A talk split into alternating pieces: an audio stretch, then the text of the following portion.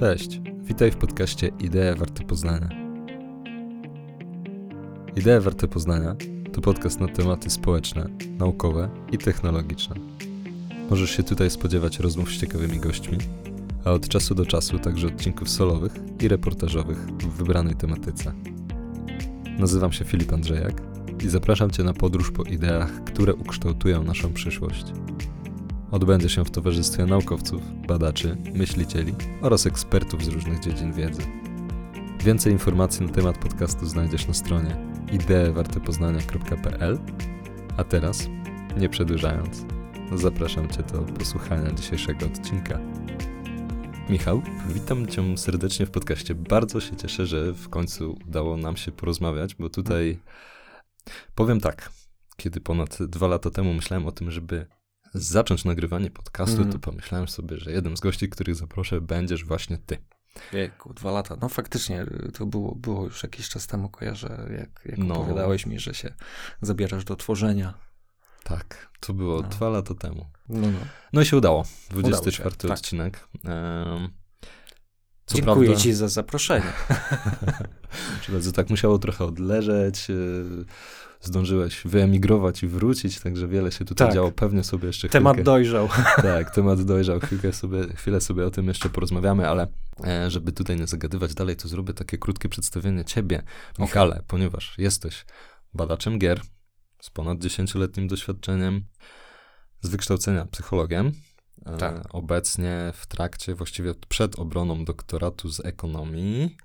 Tak, jestem po szkole doktorskiej, już doktorat jest stworzony, napisany, czeka na swój czas teraz. Czeka, tak, tak. Czyli trzymamy kciuki e, za to, żeby, Trzeba, trzeba. żeby, żeby się wszystko wydarzyło. Jesteś też wykładowcą akademickim, autorem artykułów.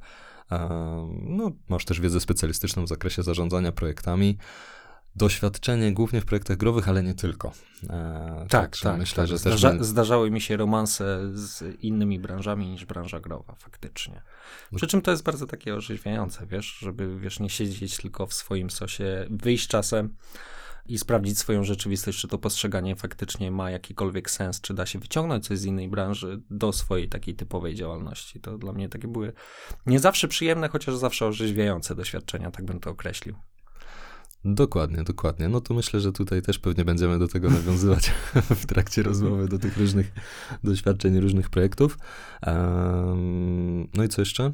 Pracowałeś też, myślę, że warto też wspomnieć, że Mhm. pracowałeś zarówno z małymi studiami, z małymi, niewielkimi projektami typu e, indie, jak to się mówi w branży gier, Tak. niezależnymi projektami, Tak. jak i tymi naprawdę dużymi dla dużych wydawców i grami potrójnego, a także też przekrój projektowy. z którym- No i Mhm. chyba gatunkowy. Gatunkowy też dosyć szeroki mi się wydaje, bo to od takich prostych gier, tak zwanych połącz trzy, gdzie wiesz, można by sobie pomyśleć, ojejku, taka metafora sprzed dobrych kilkunastu, jak nie dziesięciu lat, e, to kulki, tak? To, to tego typu gry, o tego typu złożoności, bo gry z bardzo rozbudowaną historią, narracją, interakcjami, możliwościami, które oferują, tak jak powiedziałeś, te 3A, czyli te o bardzo wysokim budżecie, zarówno producenckim, czyli na samo e, wytworzenie gry, jak i budżecie marketingowym, bo to tego też, e, czy też marketingowym, to jest tak bardzo nieprecyzyjnie, promocyjnym nawet by można było powiedzieć, e, który ciężko określić liczbami, bo to, to nie są jakieś stałe ramy, że to już jest 3A, a to jest Mhm. 2A, a to jest indie, czyli to jak ta gra niezależna, e, bo to też pływa, ale o wysokim budżecie, z reguły przekraczającym. Przyjmuje się, przyjmuje się, zależy kto, ale to, to jest ponad 100 milionów euro. Można liczyć, że to już jest budżet 3A. Przy czym to jest budżet łączny i na produkcję na przykład i promocję, to taki mniej więcej to, to już jest budżet 3A. Przy czym czy gra będzie 3A, to też zależy od tego, co kto wytworzy, bo sam budżet nie, nie na wszystko wskazuje, nie? No dokładnie. E, to kończąc to wprowadzenie, e, może coś pominąłem, to jeszcze, jeszcze dodaj. A jeśli nie, to, to czy jesteś w stanie powiedzieć, dla ilu różnych gier pracowałeś i prowadziłeś badania? Około, Ewen- cz- około Mhm. 40 projektów, myślę, tak wiesz, tak e, z palca, tak na szybko, bo trzeba by to było dokładnie policzyć. Wydaje mi się, że, że to już jest ponad 40 w tej chwili.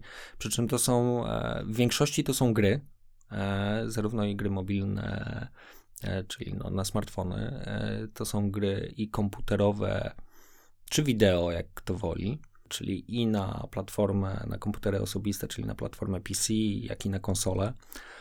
Przy czym w większości na konsole pokroju PlayStation i Xbox w mniejszej liczbie na konsolę Switch. E, to też się zdarzało. No i na platformy VR-owe, czyli gogle wirtualnej rzeczywistości. Tego w ostatnim czasie, zwłaszcza dużo po 2015 roku, to cały czas mam z tym styczność, tak bym, tak bym powiedział. Mhm. No i jakieś tytuły może jesteś w stanie rzucić? Tytuły. Wiesz, wiesz co, tak myślę, tytuł, który tytuł, który chyba gdzieś taki największy, bo chyba, chyba od tego bym wyszedł, tak? Gdzieś najwię, największy, największy tytuł chyba, przy którym miałem okazję pracować, a o którym mogę powiedzieć, bo to też taka śmieszna specyfika, to jest chyba Assassin's Creed VR. E, czyli seria, wydaje mi się, dosyć znana, która przeszła już jakoś tak do świadomości zbiorowej bo i powstał film e, z Fassbenderem, seria no, ma już ponad kilkanaście lat, ileś, e, ileś części, bo tych części jest bardzo dużo, jakieś spin-offy, sequele, bardzo tego dużo się pojawiło. Ja miałem okazję pracować przy produkcji VR-owej, która była ogłoszona we wrześniu 2020 i to tyle mogę powiedzieć. No miałem też, pracowałem też przy produkcji właśnie 3A, Gra z otwartym światem 3A i tyle mm. mogę o niej powiedzieć. Taki mam zapis w tej chwili. Dopóki nie zostanie ogłoszona, to nie mogę o niej nic więcej powiedzieć. Jasne. W każdym razie podejrzewam, że w tym przypadku to też będzie studio Ubisoft. E, tak, w tym wypadku to też będzie studio Ubisoft akurat, bo w Ubisoftie no, miałem okazję pracować przy tych projektach w bardzo dużej skali dużej skali, czyli ponad kilkaset osób pracujących przy jednym produkcie, bo to też ze skalą to tak można się zastanawiać, co jest małym, bardzo małym, a co jest średnim projektem. No małe projekty to były te zespoły kilkoosobowe, z tymi rzadziej, e, zwłaszcza Zwłaszcza gdy pracowałem jako wolny strzelec konsultingowo bardziej z zespołami, to te zespoły zdarzały się rzadziej. W większości wtedy pracowałem e, ze studiami średniej wielkości 50 do 100 osób. I Ubisoft to, to, to jest taki przeskok, gdzie to jeden projekt to jest kilkaset osób, czyli nie zawsze z każdym jesteś w stanie nawet w tym projekcie porozmawiać. Troszkę, troszkę inaczej ta praca tam wygląda. Mhm. No, czyli ten przekrój jest naprawdę duży. Um, ja tak jeszcze na wstępie tylko chciałem powiedzieć, już tak y, tego też nie będziemy na pewno ukrywać, bo my się znamy mm. od dość dawna i też mieliśmy tak. okazję współpracować w wielu e, różnych projektach, także, także to też szczerze powiemy na początku, dlatego tak, myślę, tak, że też... War, war, war, warto to wyjawić, tak, I, i, też, i też była współpraca e, przy grach nasza, my bardziej też My wtedy byliśmy, pamiętam, bardziej ukierunkowani też na platformę mobilną. To był ten czas, kiedy, kiedy platforma mobilna to było to, gdzie chciał się człowiek gdzieś dostać i chciał tworzyć, bo tam się dopiero zaczynały rzeczy dziać. Teraz się troszkę ten rynek pozmieniał od tego czasu, jak my się tym zajmowaliśmy razem. Dokładnie, dokładnie. W każdym razie tutaj takie małe zastrzeżenie na początek, żeby nie było wątpliwości. A teraz, kończąc już to nasze krótkie wprowadzenie, no to temat naszej rozmowy będzie dość oczywisty, no bo ze względu na Twoje doświadczenie, chciałbym, żebyśmy porozmawiali sobie o grach. Myślę, mam mm -hmm. nadzieję, że wyjdą nam tu dwie części. Jedną chciałbym, okay. żeby była taka ogólniejsza, żebyśmy porozmawiali sobie tak ogólnie o grach, a w drugiej, żebyśmy porozmawiali też o Twojej pracy i tym, czym się badacz gier faktycznie zajmuje na co dzień. Ty wiesz, to nawet, nawet możemy jedną rzecz zasygnalizować teraz, bo e, ja dokładnie jestem badaczem użytkowników gier. Badacz gier to może być też badacz akademicki, to może być ludolog, językoznawca. E, ja jestem w tej części troszkę bardziej wdrożeniowej, bym powiedział, mniej akademickiej w tej chwili nóżką, czyli jestem badaczem użytkowników gier, czyli pracuję przy produkcie głównie. Badacze gier też pracują, czy to nad teorią, czy ogólnie takimi badaniami podstawowymi w tejże materii, nie? To jest, jest takie rozgraniczenie, chociaż ciekawy, ciekawa rzecz językowa jest, że skrótowo się mówi po prostu badacz gier i każdy myśli, że jest badaczem gier, tylko co innego ma na myśli. No tak, no tak, tu zakres może być dobry, ale dobrze, dobrze yy klarujmy tutaj te terminy. Myślę, że to jest ważne. Zresztą wiem, że ty lubisz porządek terminologiczny e, i ja też lubię porządek terminologiczny i, i tu myślę, że się dobrze zgrywamy. A jak już jesteśmy mm. przy porządku terminologicznym, to zaczynając mm. naszą rozmowę o grach, okay. to gdybyś mógł tak opowiedzieć to, to, czym właściwie jest gra i czym się różni ewentualnie od innych aktywności, No, myślę, że każdy jak, jakieś tam takie podświadome, czy takie spontaniczne rozumienie ma, natomiast y, jak zastanowić się nad definicją, to to może już nie być aż tak oczywiste. E, tych definicji jest, e, ja, tak, ja tak sobie o tym myślę, definicji jest tyle ilu, ilu projektantów gier, bo, bo to też zależy przy jakim gatunku chociażby gier się pracuje i inne rzeczy tam wychodzą na pierwszy plan. E, no z reguły takie wydaje mi się przynajmniej e, podejście intuicyjne jest, że to jest coś, co dostarcza nam pewnego rodzaju radości i pozwala spędzić czas wolny jakkolwiek, tak? Czy tam uciec od rzeczywistości i tak dalej. Można to opisywać takimi terminami, po co gramy, ale nie mówi to za wiele o samej grze.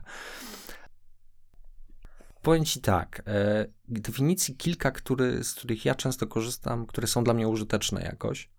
Jedna taka dosyć popularna, ją się przypisuje Sidowi Meyerowi, twórcy serii gier Cywilizacja, e, czyli mówię przypisuje się, bo to chyba nawet nie są jego słowa, nie mam pewności, jest dyskusja mm. na ten temat, e, że gra to seria interesujących wyborów, że jest to tak naprawdę taki produkt, bo możemy mówić o tym jako o produkcie jak najbardziej, który umożliwia nam dokonywanie jakichś wyborów interesujących i interesujących, no i trzeba by się było zastanowić, co to znaczy. To znaczy, e, z jednej strony, nie zawsze oczywistych, e, z drugiej strony, że tych wyborów jest ileś, czyli to nie jest na przykład film, który mówi, masz oglądaj, doświadczaj. Oczywiście każdy troszkę na swój sposób co innego zobaczy, natomiast my nie mamy wpływu na przebieg, a tutaj to odnosi się do takiej interaktywności tegoż produktu, że my możemy zmieniać troszkę bieg wydarzeń. W jednych grach mniej, w innych grach bardziej. Za każdym razem inną historię opowiadając. E, to jest jedna definicja, przy czym no, ciężko z niej tak wyciągnąć od razu jakieś praktyczne wskazania, to, to czym ta fajna gra jest, skoro mm. i czym te interesujące wybory są, bo to też jest takie bardzo chwiejne określenie, co jest interesujące. Są definicje, z których ja nie korzystam i o tych też teraz wspomnę, czyli że gra to pewna fikcja działania, bo to są definicje, które dla mnie, jako osoby, która musi dać pewne wskazania dla produktu, no nie są użyteczne. No to jest to fikcja działania, no jest fikcja działania, bo robimy coś w świecie wirtualnym, a nie rzeczywistym. W większości wypadków oczywiście, bo nie zawsze tak jest, jak się okazuje z grami. No ale no cóż dalej.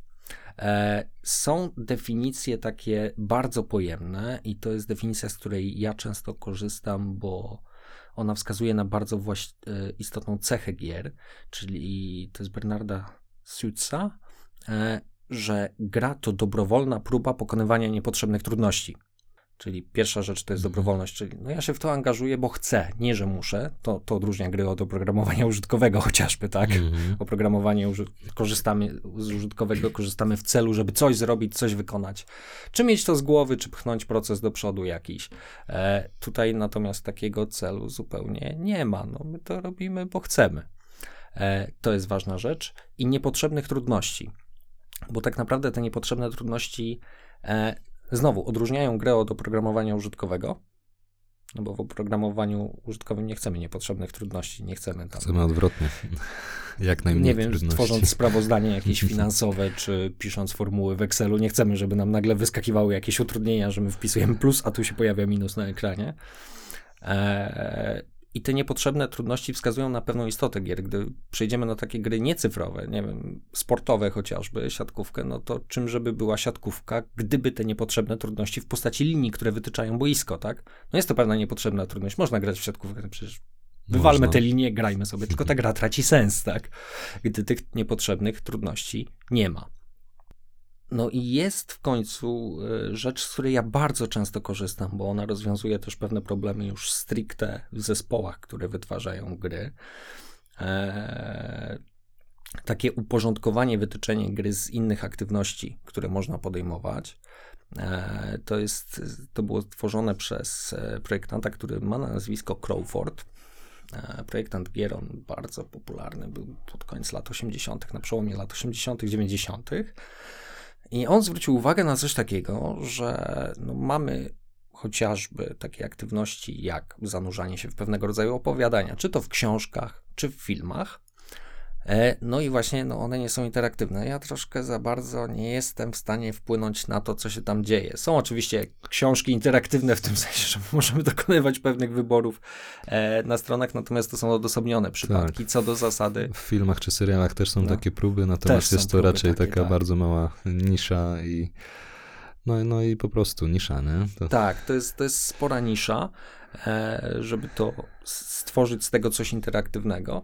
Natomiast co do zasady, te historie nie są interaktywne. My możemy ich doświadczać na różny sposób, natomiast nie możemy ich zmieniać jako takich. One obiektywnie są takie same. No i gry, co do zasady, są interaktywne. My możemy pewne rzeczy zmieniać. Musimy, nie wiem, chociażby przemieszczać się jakąś postacią po pewnym świecie i każdy może robić to trochę inaczej, opowiadając znowu inną historię. No ale no dobra, no to są interaktywne, ale interaktywne też są zabawki. Eee, I teraz z zabawkami, gdy popatrzymy, jak bawią się dzieci chociażby, jedną zabawką jesteśmy w stanie wytworzyć multum różnych historii, czyli mamy ten element opowiadania, ale mamy element też interaktywności. Możemy tą za- często, nie wiem, ja tak myślę sobie, o, czy to o klockach Lego, czy, czy nie wiem, o lalce. Lalce możemy poprzestawiać nóżki, opowiadać właśnie w ten sposób różne historie, gdy ona tam, nie wiem, idzie na jakąś wycieczkę, coś gotuje, z kimś się kłóci. 150 różnych rzeczy możemy opowiedzieć za pomocą tej jednej lalki, też poruszając nią w pewien sposób. No dobra, no to skoro tak to e, wygląda, no to, to cóż takiego nie mają zabawki? No nie mają poprawnego rozwiązania. No zabawku, nie można się zabawką bawić źle. Co do zasady. No oczywiście można ją zepsuć, w tym sensie można się nie No bawić tak. źle, tak? Ale jeżeli chodzi z perspektywy takiej opowiadania historii, czy wchodzenia w, z nią w interakcję, żeby coś zrobić, no to nie można tego zrobić źle. No, czasem zabawki mają instrukcje, ale to chyba bardziej można je używać jako taką sugestię proponowanej zabawy, czyli propozycję tego, jak można ją wykorzystać, niekoniecznie, tak, tak. że tylko i wyłącznie w ten sposób można z tego korzystać. Tak, tylko i wyłącznie w ten sposób. Właśnie mówię, nie, nie, nie myślę tutaj o wykorzystaniu złym w tym sensie, które zepsuje tą zabawkę Mhm. albo spowoduje krzywdę, nie wiem, dziecku, bo właśnie źle z niej skorzystało. E, to nie w tym rozumieniu. E, I rzeczy, które można robić źle, to są łamigłówki. Nie weźmiemy taką kostkę Rubika, no ona ma poprawne rozwiązanie, no i założenie jest takie, że w grze gdzieś to poprawne rozwiązanie też będzie. I to, co odróżnia gry od tych łamigłówek, jak tak sobie popatrzymy, bo to się układa w takie schodki, w taką ala piramidkę, że, że mamy opowiadanie, ono nie jest interaktywne, ale interaktywne są zabawki. E, zabawki znowu nie mają poprawnego rozwiązania, ale łamigłówki mają poprawne rozwiązanie. E, no i znowu, mogę opowiadać historię, jak się męczyłem z tą łamigłówką, wchodzę z nią w interakcję, szukając tego poprawnego rozwiązania. Przy czym ja łamigłówki nie mogę przegrać. Możesz nie wygrać, ale Możesz nie wygrać w tym sensie, możesz stwierdzić, że e, no, ta łamigłówka mnie pokonała. mhm. I w ten sposób można powiedzieć, ale co do zasady, ona ci nie powie, aj, przegrałeś. Znajdziesz poprawne rozwiązanie, ale nie możesz jej przegrać. No i to wytycza gry tak naprawdę spośród tych innych aktywności, że no grę da się przegrać.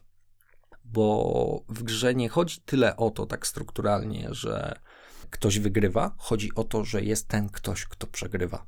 Oczywiście można mówić, że są gry o sumienie zerowej i tak dalej.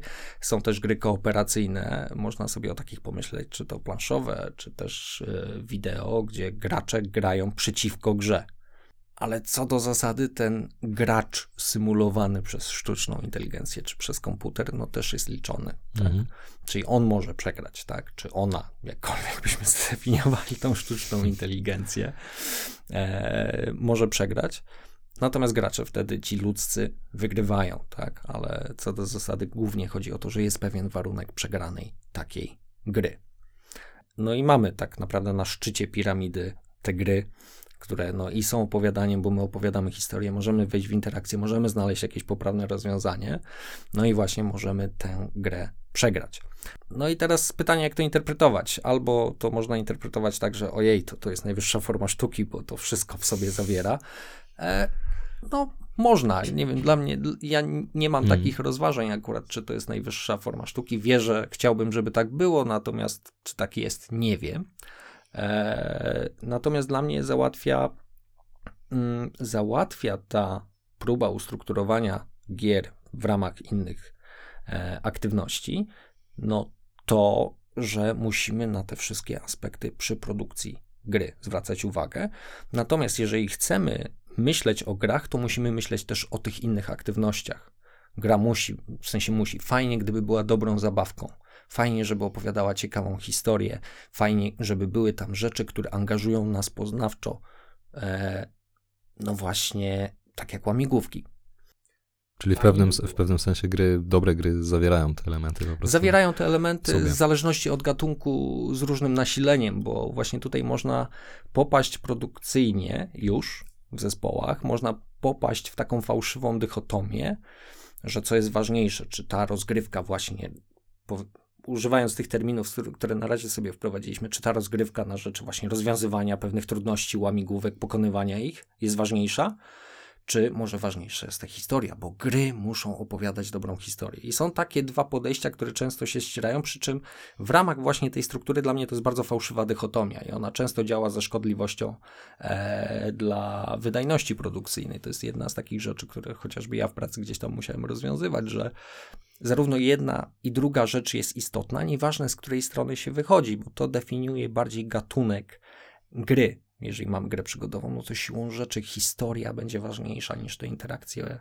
łamigłówki. One też będą raczej, one nie tyle będą nieistotne, co będą podążać za historią.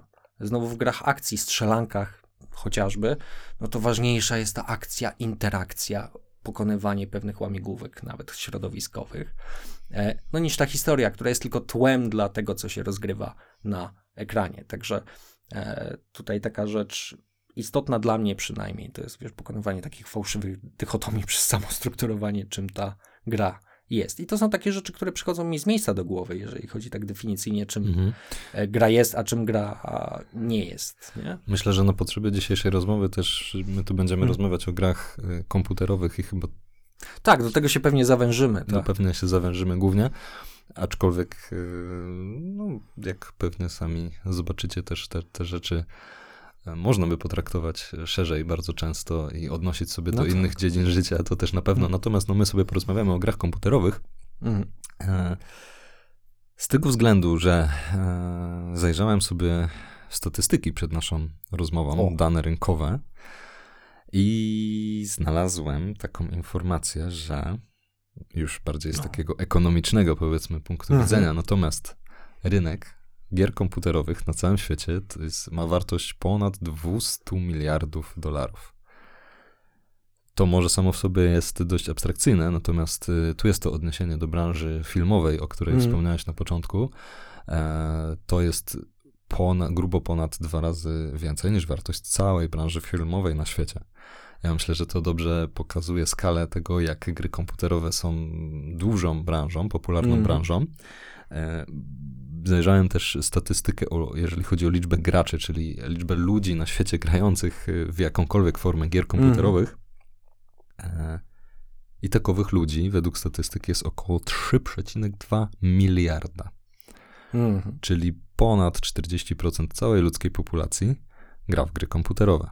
Tak, i to, to tak, taka rzecz mi się przypomniała, jak o tym powiedziałeś, że ja spotykałem się czasami w swojej pracy, e, no bo za, chociażby zapraszam ludzi, żeby testowali te produkty wcześniej, wypowiadali się na ich temat, e, że czasami ciężko tru, czy trudno było zrekrutować pewne grupy, ponieważ uważały, że nie grają w gry.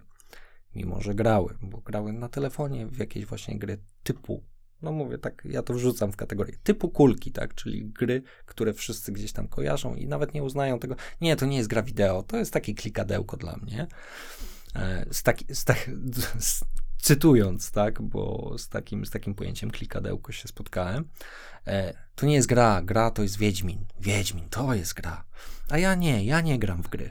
No właśnie grasz w gry, tak, tylko niekoniecznie tak kategoryzujesz to, co robisz, tak.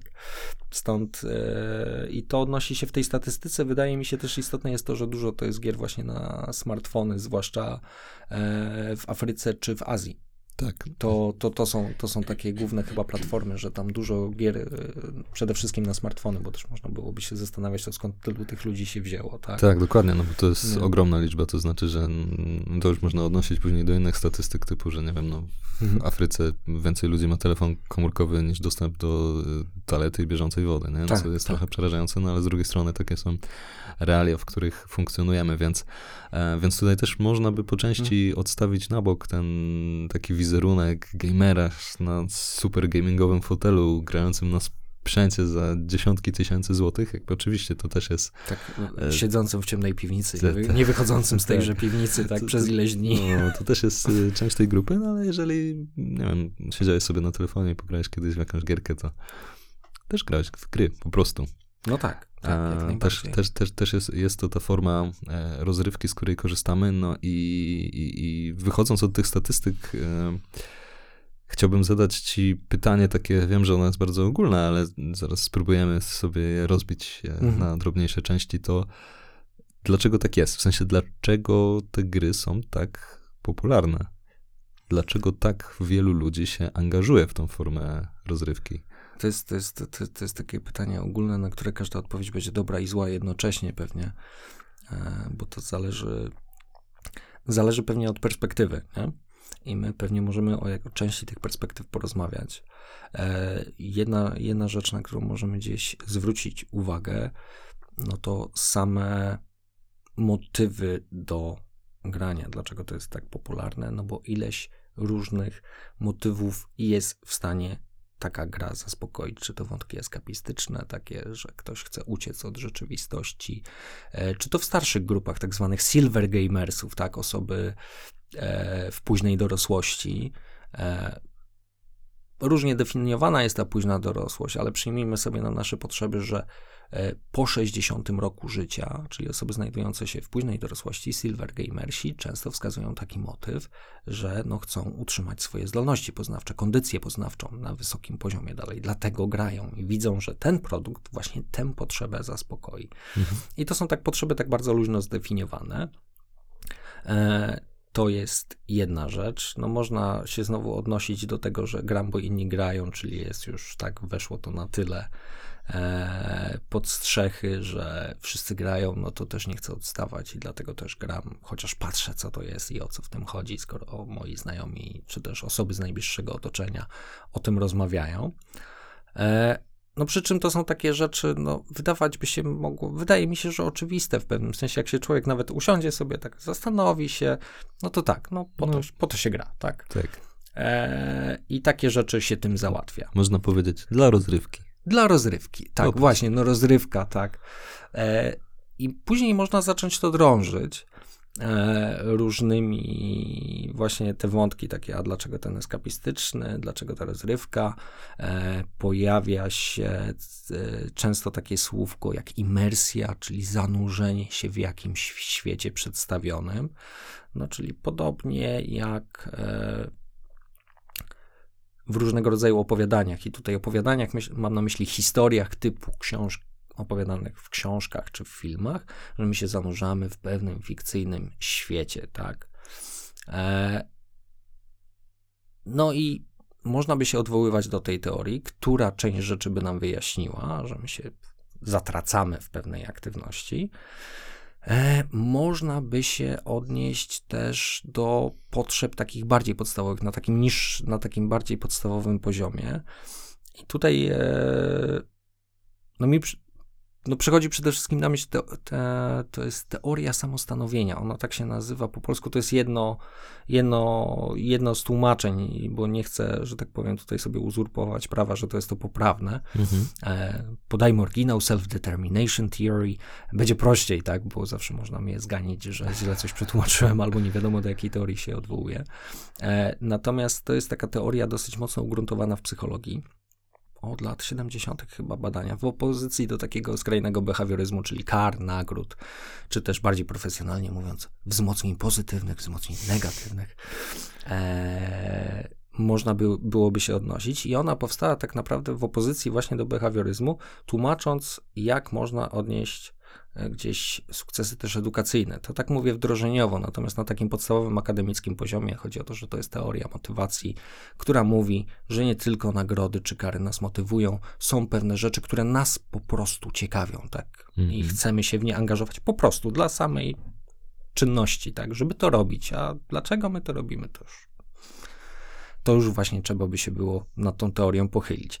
I ona dla mnie jest o tyle istotna, że z jednej strony można powiedzieć, a to tylko teoria, natomiast bardzo porządkuje spoglądanie na rzeczywistość, w tym na gry i zastanawianie się, dlaczego one nas tak właśnie angażują. E, jako, że jest to teoria zgrabna, zgrabna w tym sensie, że ona nie stara się oczywiście opisać całej rzeczywistości, tylko pewien jej wycinek. No ona mówi o tym, że są pewne trzy potrzeby, które mają wszyscy ludzie praktycznie niezależnie od wieku, czy też one bardzo wcześnie zaczynają się ujawniać, e, które można zaspokoić na różne sposoby. No i gry robią to bardzo dobrze, podobno.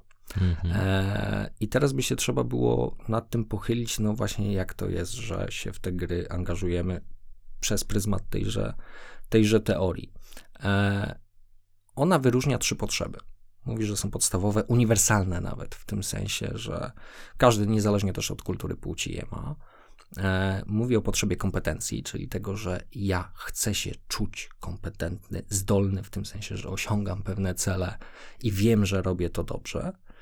Ona mówi też o potrzebie autonomii, czyli to, że ja chcę dokonywać tych wyborów, które przede mną stają. To nie znaczy, że jestem wolny i mogę sobie robić co chcę, żebyśmy nie myśleli tej autonomii, nie mylili tej autonomii z wolnością, ale chodzi przede wszystkim o to, że jeżeli staję w jakiejś sytuacji, to chcę czuć się tą osobą, która ma kontrolę nad tą sytuacją, poczucie kontroli nad tą sytuacją i mówi też o potrzebie więzi, czyli chcę, żeby to wszystko miało sens, jakieś znaczenie większe, Mhm. tak?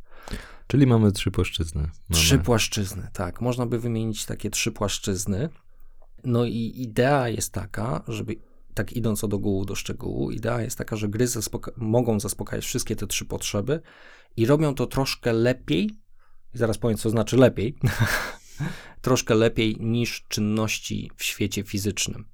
I teraz tak się zastanawiam, od czego wyjść, wiesz, bo można by było wyjść od tego, że są sytuacje, gdzie tak przy tych zgrubnych definicjach, które sobie Mhm. podaliśmy, takim zgrubnym rozumowaniu, że ja mogę pojechać na basen, by poczuć się kompetentnym. To jest mój autonomiczny wybór. Mogę poczuć więź, bo nie wiem, pojadę tam z kolegą, z koleżanką, z partnerką, tak?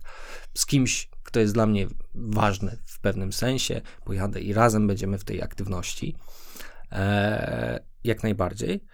Problem polega na tym, że ja muszę tam pojechać że to nie jest natychmiastowe, że to nie jest na wyciągnięcie ręki, jak chociażby ta rzeczona gra w telefonie, do, którą Mhm. łatwo sięgnąć i która od razu mi mówi, czy jestem kompetentny, czy jestem niekompetentny, mogę do kogoś napisać od razu, czy to na czacie w ramach gry, czy poza grą, e, czyli zaspokajać wszystkie te inne potrzeby jakby przy okazji. No i to jest ta jedna rzecz, która mocno przyciąga, czyli to jest na zaspokojenie potrzeb jest na wyciągnięcie ręki. I to jest dosyć istotne. Dwa, że jest to natychmiastowe. Gry bardzo często udzielają informacji zwrotnej. O tym sobie pewnie jeszcze powiemy. Tak, to myślę, że zaraz wejdziemy No. jeszcze głębiej, ale Że, że, że można, można by, i teraz trzeba by drążyć pewnie każdą inną, te potrzeby po kolei, żeby powiedzieć, co gry robią, bo głównie sprowadza się Tak, to do tego, tak- że gry robią więcej i szybciej niż robi rzeczywistość często, Mhm. nie? Czy aktywności w świecie fizycznym. no to tak zróbmy, porozmawiajmy o tych poszczególnych płaszczyznach, bo Mhm. no ja też nie ukrywam, że pracowaliśmy mm, z użyciem tej teorii, ja ją znam i też już patrząc zewnętrznie uważam, że jest bardzo ciekawa właśnie też z tego względu, że można ją sobie odnosić do różnych aktywności i tak. zastanawiać się, ona się też może przydać czy przy edukacji, czy e, Tak, przy, w się- codziennym życiu, czy nawet przy wychowaniu dzieci. Polecam również stosować pewne elementy, Elementy, e, tak. tej teorii, które mogą pewne rzeczy ułatwić. Warto mieć, myślę, tego świadomość, więc to jest dość Mm. ogólne. Ale tak, skupmy się w takim razie Mhm. na tym, e, dlaczego gry, jakby co gry robią, czy jakie gry są, że tak dobrze Mhm. odpowiadają na te poszczególne płaszczyzny. I Mhm. no pierwsza to będzie płaszczyzna związana z kompetencją, tak jak wspomniałeś. Tak, czyli E, to jest taka ciekawostka, bo mówi się, powiedzieliśmy, że te potrzeby są uniwersalne, w tym sensie są też wrodzone, także my możemy co najwyżej, wiesz, odnosząc to do dzieci, my możemy co najwyżej te potrzeby frustrować albo Mhm. wspierać.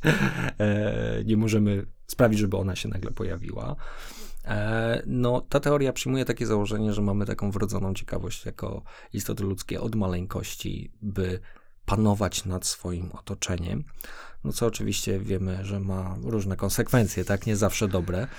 E, I tak naprawdę my poszukujemy takich czynności, w których możemy e, to z jednej strony ćwiczyć i tego doświadczać, tak? Czyli czucia się kompetentnym, czy czucia się sprawnym w wykonywaniu jakiejś czynności. I oczywiście można, na to, można popatrzeć na gry, tylko tu trzeba zasygnalizować to, że to może być naprawdę bardzo prozaiczna rzecz, tak? To może być chociażby, żeby było śmieszniej mycie naczyń, tak? To też ta czynność ma pewien określony cel. Mam, widzę, czy umyłem dobrze, czy nie, albo ktoś mi powie, "Ej, słuchaj, tu jest niedomyte, tak? Także to w naprawdę prozaicznych czynnościach można tego się doszukiwać, czy można to tak analizować. Natomiast jeżeli chodzi o gry, e, no to ta teoria, bo ona była tak jakby przyłożona do gier i badacze zaczęli sprawdzać, na ile to się sprawdza, no to tam dokonano takiej obserwacji, no, że żeby ta czynność umożliwiła nam bycie kompetentnym, no to musi mieć jasno zdefiniowany cel. Czyli muszę mieć jasne kryterium porażki. Dobrze, jakbym miał też kryterium sukcesu. No i to, co powiedzieliśmy sobie w definicji e, gry, no to gry bardzo jasno definiują kryterium porażki. Nie zawsze definiują kryterium sukcesu. To, to też jest ważna rzecz do zasygnalizowania, że nie wszystkie gry definiują kryterium sukcesu. Są gry, e, które mają tak zwany tryb endless, czyli można Mhm. grać w nieskończoność. Jedyne co wiadomo, że jak popełnię błąd, to mogę przegrać. Chociażby Tetris jest taką grą. Tak, klasyczny. No tak. Mogę grać w nieskończoność. No. Ale jeżeli plansza się zapełni, no to gra się kończy. Moją przegraną, rzecz jasna, z jakimś tam wynikiem punktowym. E, to jest jedna rzecz, czyli mamy ten cel. Kolejna rzecz to jest informacja zwrotna i to zarówno i w edukacji, przynajmniej z perspektywy tej teorii znowu, i w edukacji, i w samych grach jest istotne, żeby ta informacja po pierwsze była natychmiastowa, no bo co mi po informacji zwrotnej tam trzy tygodnie po tym, jak coś się stało? Aha, no stało się. A, to tak, to tak, tak powinno być to zrobione. No dzięki. Fajnie, dobrze było to wiedzieć. E, czyli ta informacja musi być natychmiastowa, czyli ja zaraz, żeby była skuteczna, czyli ja zaraz po wykonaniu czynności dostaję informację zwrotną na temat tego, czy poruszam się w kierunku sukcesu, e, czy poruszam się w kierunku e, porażki i jak skorygować swoje działanie. Mhm. Czyli musi być użyteczna. Kolejna rzecz jest taka, że musi być czytelna. Czyli ta osoba, która dostaje tę informację zwrotną, musi ją zrozumieć. No bo jak, to jest taki podstawowy warunek tak naprawdę, no bo jak nie zrozumie, no to ta informacja zwrotna tak naprawdę nic nie zmieni. I znowu, możemy skakać między tym światem cyfrowym, a, a tym światem niecyfrowym, fizycznym, no że no, czasami dostajemy informacje zwrotne skądś, których nie rozumiemy. Informacja zwrotna z różnych urzędów jest często dla nas po prostu nieczytelna. Nawet jeśli jest na czas dostarczona, to niekoniecznie sami z siebie jesteśmy w stanie tę informację zwrotną zrozumieć. Gry natomiast tych informacji często oczywiście to jest ideał, bo nie wszystkie gry to robią i stąd też takie No ja osoby jak i ja, tak, Tak. które mają też, ja myślę, że, wspomóc, że nie? właśnie chyba warto też zaznaczyć e, w tym punkcie, że oczy, oczywiście znajdą się przykłady gier, które są po prostu, nie wiem, no źle zrobione i nie zapewniają tych e, Tak. potrzeb, czy po prostu no czegoś im brakuje i te, tego pewnie też jest mnóstwo, natomiast My Bardziej tak mówimy o rozmawiamy tych, w takim są- świecie troszkę abstrakcyjnym ideału, że jeżeli gra zaspokaja te potrzeby, to będzie dobrą grą, przynajmniej dobrą, niekoniecznie Mhm. wybitną, będzie dobrą grą, natomiast nie wszystkie gry to robią oczywiście. o, dokładnie, także to Czyli wiadomo. nie zawsze to, to też właśnie tak troszkę moja funkcja, żeby później sprawdzać, czy ta informacja faktycznie jest czytelna natychmiastowo. Tak. Dzięki temu masz pracę. Dzięki temu mam pracę, tak. E, wracając do tej informacji zwrotnej. Powiedzieliśmy sobie, że musi być e, czytelna, zrozumiała, użyteczna, natychmiastowa, no ale ona też powinna się odbywać na różnych poziomach. E, raz na poziomie takim ziarnistym, tak zwanym, takim granularnym naprawdę, e, no to my powinniśmy wiedzieć po każdej czynności, czy to jest ta czynność, która nas przybliża, czy oddala od sukcesu. No i znowu, jak idziemy pływać, to nie zawsze dowiemy się, że ten ruch ręki to jest ruch właściwy, natomiast w grze często dostajemy e, taką informację zwrotną w bardzo nawet rudymentarnej postaci, wiesz, punkciki się nabijają. Ja wykonałem jedną czynność plus jakieś trzy punkty, cztery punkty. Coś, coś się dzieje i ja dostaję informację, że to jest dobre. Chociażby, tak? To, co ja w tej chwili robię, z perspektywy celu, jaki mam osiągnąć, oczywiście, to jest dobre. E, później mamy taką informację, po polsku mówi się często, że przedłużoną, czyli po pewnej serii czynności ja dostaję informację, tak, tak, to już jesteś na drodze do sukcesu, trzy razy z rzędu, nie wiem, ułożyłeś poprawny wzór, super, e, dostajesz dodatkową informację zwrotną, tak? Że tak, ta seria czynności była poprawna, i w końcu mamy taką kumulatywną informację zwrotną, czyli e, ty przeszedłeś jakiś etap, na przykład gry, w pewien sposób no, poprawny, tak? Czy niepoprawny właśnie, że no nie, wszystko fajnie, dostawałeś tą granularną informację, dostawałeś tą przedłużoną, no ale to trochę za mało, żeby dostać, nie wiem, te trzy gwiazdki, tak? Czy tam pięć gwiazdek. No i podobnie można znowu, żeby to nie brzmiało tak abstrakcyjnie, przekładać to na czynności w świecie fizycznym. Ja mogę, trzymając się tej pływalni, tak? E, wskoczyć do wody, zacząć pływać, no nie dostaję za dużo tej informacji zwrotnej o tym, że macham rękoma, układam nogi w sposób poprawny, czy nabieram też powietrza, chociaż to jest dosyć istotne przy pływaniu, tak? W sposób poprawny. Po przepłynięciu jakiegoś odcinka, nie wiem, instruktor może zwrócić e, mi uwagę, że coś powinienem teraz skorygować. No a ten kumulatywny feedback to jest przepłynięcie, nie wiem, całego basenu, czy też zakończenie jakiegoś wyścigu, tak? Mhm. Że to jest pływanie, nie wiem, na 100 metrów sobie trenuję, no to Ja myślę, znaczy powiem ci też, gdy pierwszy raz y, usłyszałem, przeczytałem, dowiedziałem się o tej teorii, Mm. opowiedziałeś mi o niej, no to też mi się od samego początku wydało, że ten feedback jest taką rzeczą, w której gry mają faktycznie Mm. dużą przewagę nad rzeczywistością. No bo powiedzmy sobie szczerze, w świecie, w którym żyjemy, wiele rzeczy Mm. jest bardzo skomplikowanych, pełnych wzajemnych powiązań i bardzo Mm. często jak coś robimy, to ta informacja zwrotna może dochodzić dopiero za długi czas. Nie wiem, jak y, chcę być sprawny i zaczynam ćwiczyć, to muszę ćwiczyć bardzo, bardzo, bardzo, bardzo długo, nie widząc praktycznie żadnych efektów i tak. po tym czasie dopiero jakiś efekt przyjdzie. Jakby nie mam tej informacji, że poszedłem na trening, o super, tak, jest, Mhm. dobrze, już tu Tak. jesteś lepszy, tak.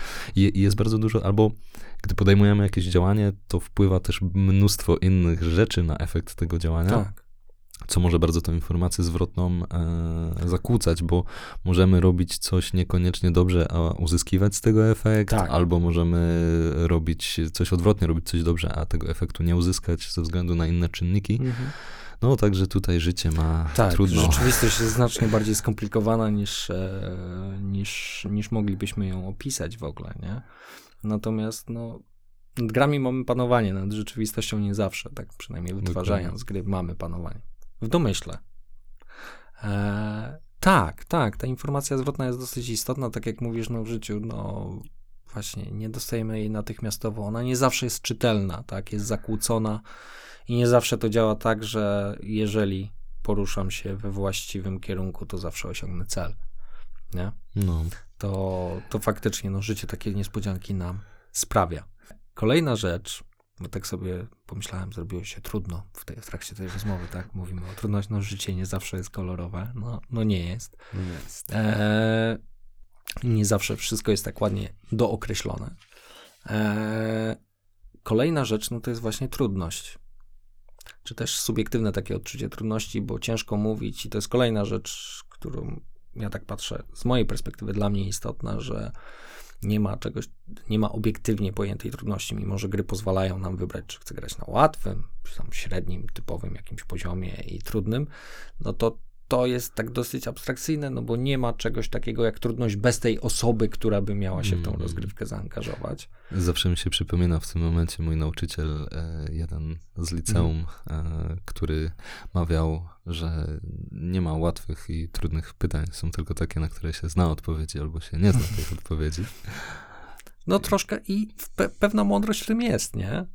E, no bo założenie jest takie, że żeby ktoś chciał poruszać się w kierunku tego celu, nawet gdy dostaje informację zwrotną, no to to wyzwanie powinno być dostosowane do jego umiejętności. I teraz dostosowane e, w tym sensie, że ono może być troszkę trudniejsze, troszkę jakby ciągnąć tą osobę do góry, to jest jedno podejście, albo być na równi z tymi kompetencjami, czyli nie powinno frustrować e, tej osoby, ale też nie powinno jej nudzić, tak? No bo znowu jak wszystko będzie łatwe, no to tak Kółko i krzyżyk jest takim przykładem takiej gry, że e, zwłaszcza obserwując, jak się pierwszy raz gra z dziećmi, to warto taką obserwację poczynić, że dopóki dziecko nie zauważy, jaki jest ten wzór, no bo tak, ta strategia dominująca tak zwana, tak, która tak. kończy się zawsze remisem, dopóki nie zauważy, to ta gra może być trudna, ale jak już to zauważy, to ta gra jest łatwa, przez to staje się nudna.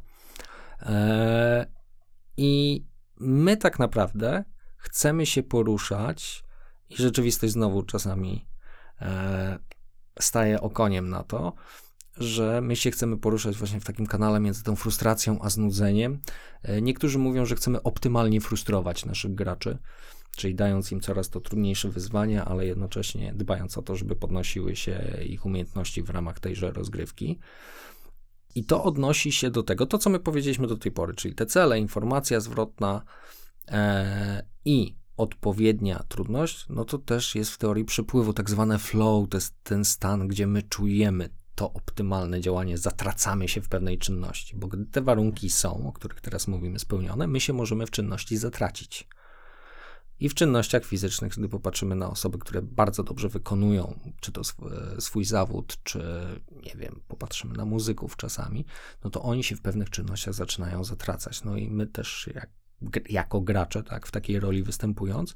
Jeżeli gra faktycznie ma te komponenty, oczywiście to nie są komponenty jedyne, tak, ale mm. ma między innymi, musi mieć, to są warunki konieczne, nie wystarczające, a warunki konieczne. Jeżeli ma te warunki konieczne e, spełnione i ileś e, jeszcze warunków dodatkowych, no to faktycznie ktoś się w tej grze może zatracić i później siedzieć i się zastanawiać, o Boże, jak to się stało, że e, jest godzina czwarta nad ranem, a miałem grać tylko do 23, tak? Hmm. A ja jutro, a ja wstaję do pracy, w sumie jutro, w sumie już dzisiaj, tak?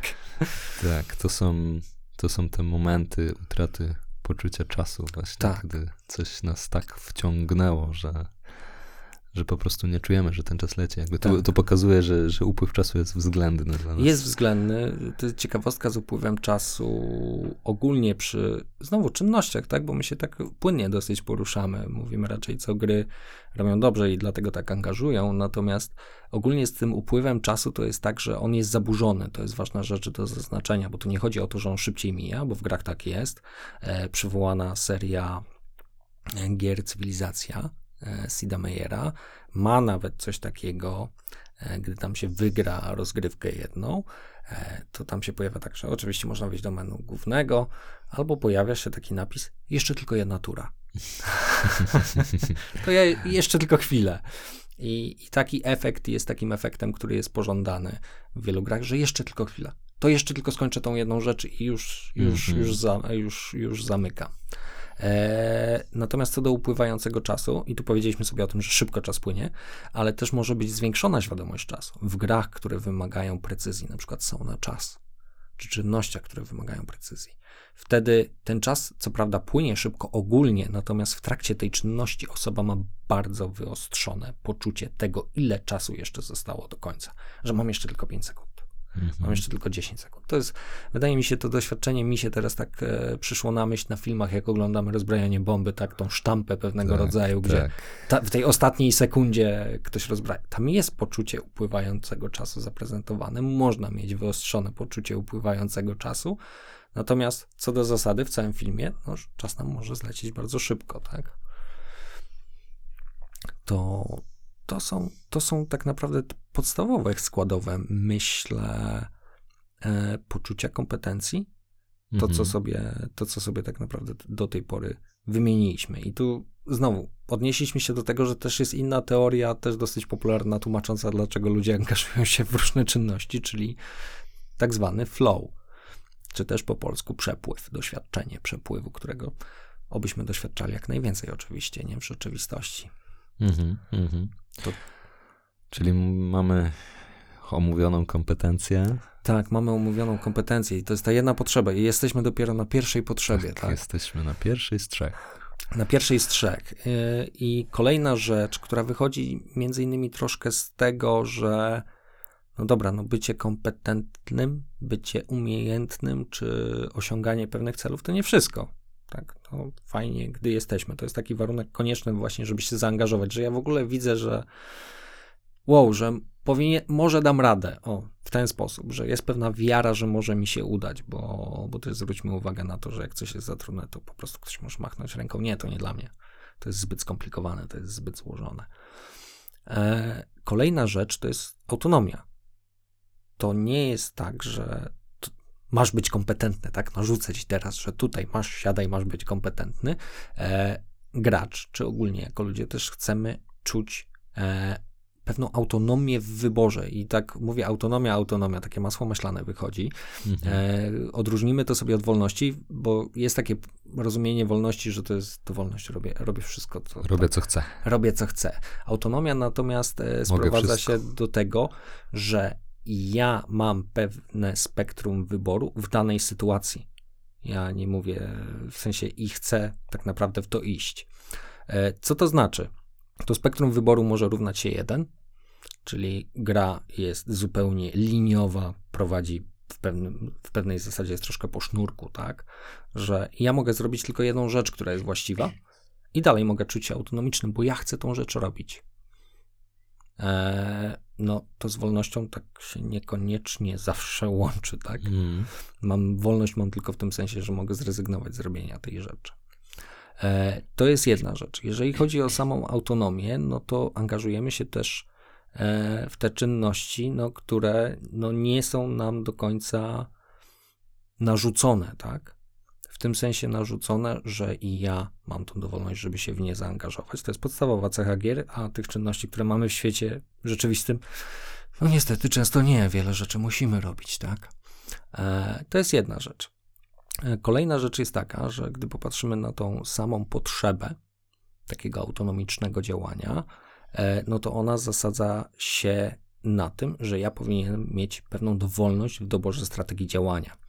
I tutaj tak myślę o miejscu pracy, często pojawiają się rozmowy na ten temat, że no nie można zawężać ludziom, zatrudniać specjalistów i mówić im, masz to teraz robić tak, tak, tak i tak, w takiej kolejności wykonywać te czynności. No nie, no nie po to się zatrudnia specjalistę i podobnie my tak ogólnie jako ludzie angażujemy się raczej w takie rzeczy, gdzie mamy możliwość doboru tej strategii działania, że okej, okay, ty mi definiujesz cel, tak, ale to ja decyduję się, w jaki sposób ten cel wypełnić. E, to jest jedna rzecz. Kolejna rzecz to jest mnogość aktywności. E, tak to się mhm. ładnie określa, czyli ja jestem w stanie różne rzeczy robić.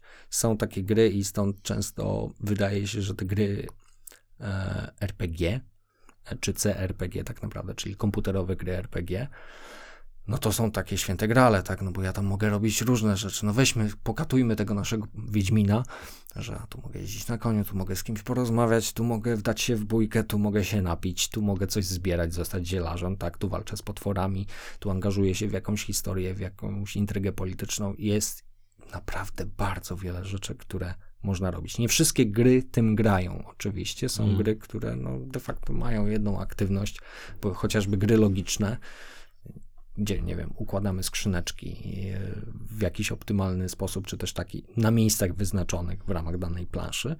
No jak najbardziej też tak może być. E, I trzecia rzecz, i tak naprawdę trzecia, najbardziej istotna, e, to jest tak zwana tożsamość. I mówi się o tym tożsamość tak ogólnie, bo to może być albo przyjęcie jakiejś tożsamości, czyli ja wcielam się w jakąś postać fikcyjną, czyli tak naprawdę e, mam jakiś tak zwany awatar, jest jakaś reprezentacja gracza już zdefiniowana, ja się w tą postać e, wcielam, ona ma jakąś swoją historię, którą ja przyjmuję i widzę jej oczami, e, a to może być tworzenie tożsamości. Czyli mhm. ja formuję tą postać i są gry, chociażby kreatory postaci całe, E, dlatego są istotne dla wielu osób, bo ja mogę wykreować postać. Czy to na swój wzór, czy po to, żeby testować tożsamość, bo to jest istotne, stąd niektórzy upatrują popularności gier CRPG właśnie z takimi kreatorami postaci, zwłaszcza wśród e, młodzieży, czy osób we wczesnej dorosłości, bo to jest taka pewna możliwość testowania tożsamości, czyli ja mogę Budowania w tak. różny sposób. budowania w różny sposób, czy ja buduję swoje wyidealizowane ja, czy może buduję takie ja, jak ono jest w rzeczywistości. Różnie to ludzie robią, tu już można wchodzić w detale, tak? Ale przede wszystkim chodzi o to, że jest to pewna forma wyrazu siebie i ja mogę testować rzeczy, których właśnie w rzeczywistości testować nie można. I to jest, wydaje mi się, też właśnie w przeciwieństwie do świata takiego rzeczywistego w grach pociągające, że część gier pozwala nam robić rzeczy, których w rzeczywistości nie, nigdy nie będziemy mogli zrobić, albo mogą one być karalne chociażby, tak? Mhm. No są gry, które um- umożliwiają robienie różnych czynności, które są zabronione e, i one są pociągające. Przez to między innymi, bo ja mogę testować swoje granice, robić rzeczy, których w rzeczywistości bym nie robił i zobaczyć, jaka będzie reakcja otoczenia. Niektóre gry tak pozwalają właśnie przetestować te konsekwencje.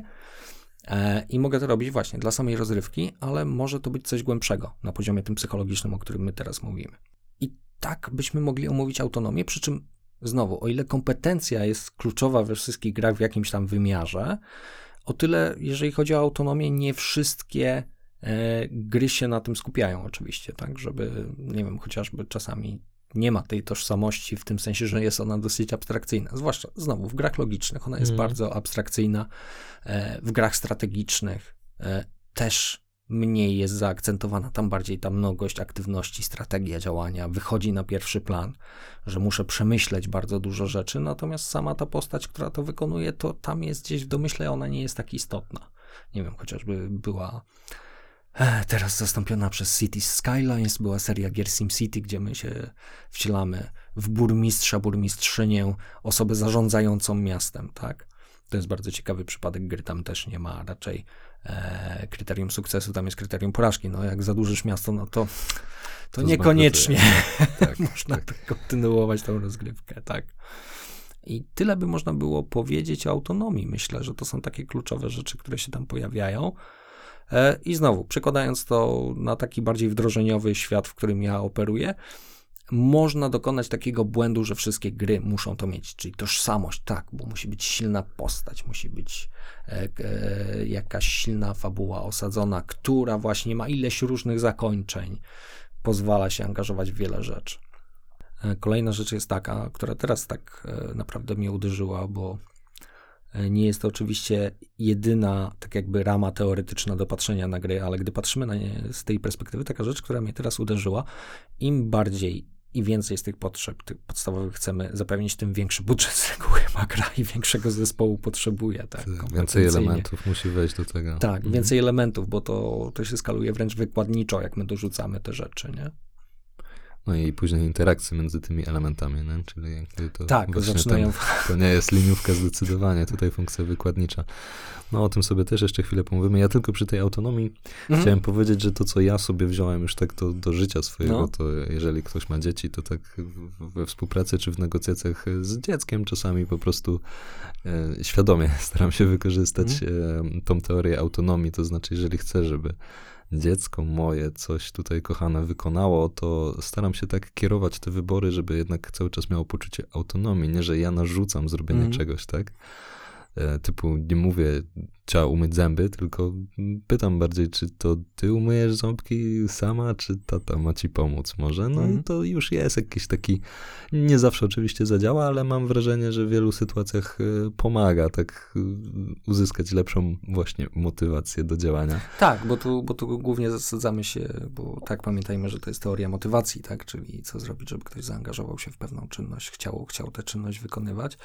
No i wydaje się to przynajmniej, patrząc e, po jakichś konsekwencjach na poziomie e, psychologicznym, przynajmniej tych krótkoterminowych, tak? Wydaje się to lepsze niż frustrowanie totalnie tej autonomii, mówiąc tu rób teraz czynność A i koniec, nie ma dyskusji, tak?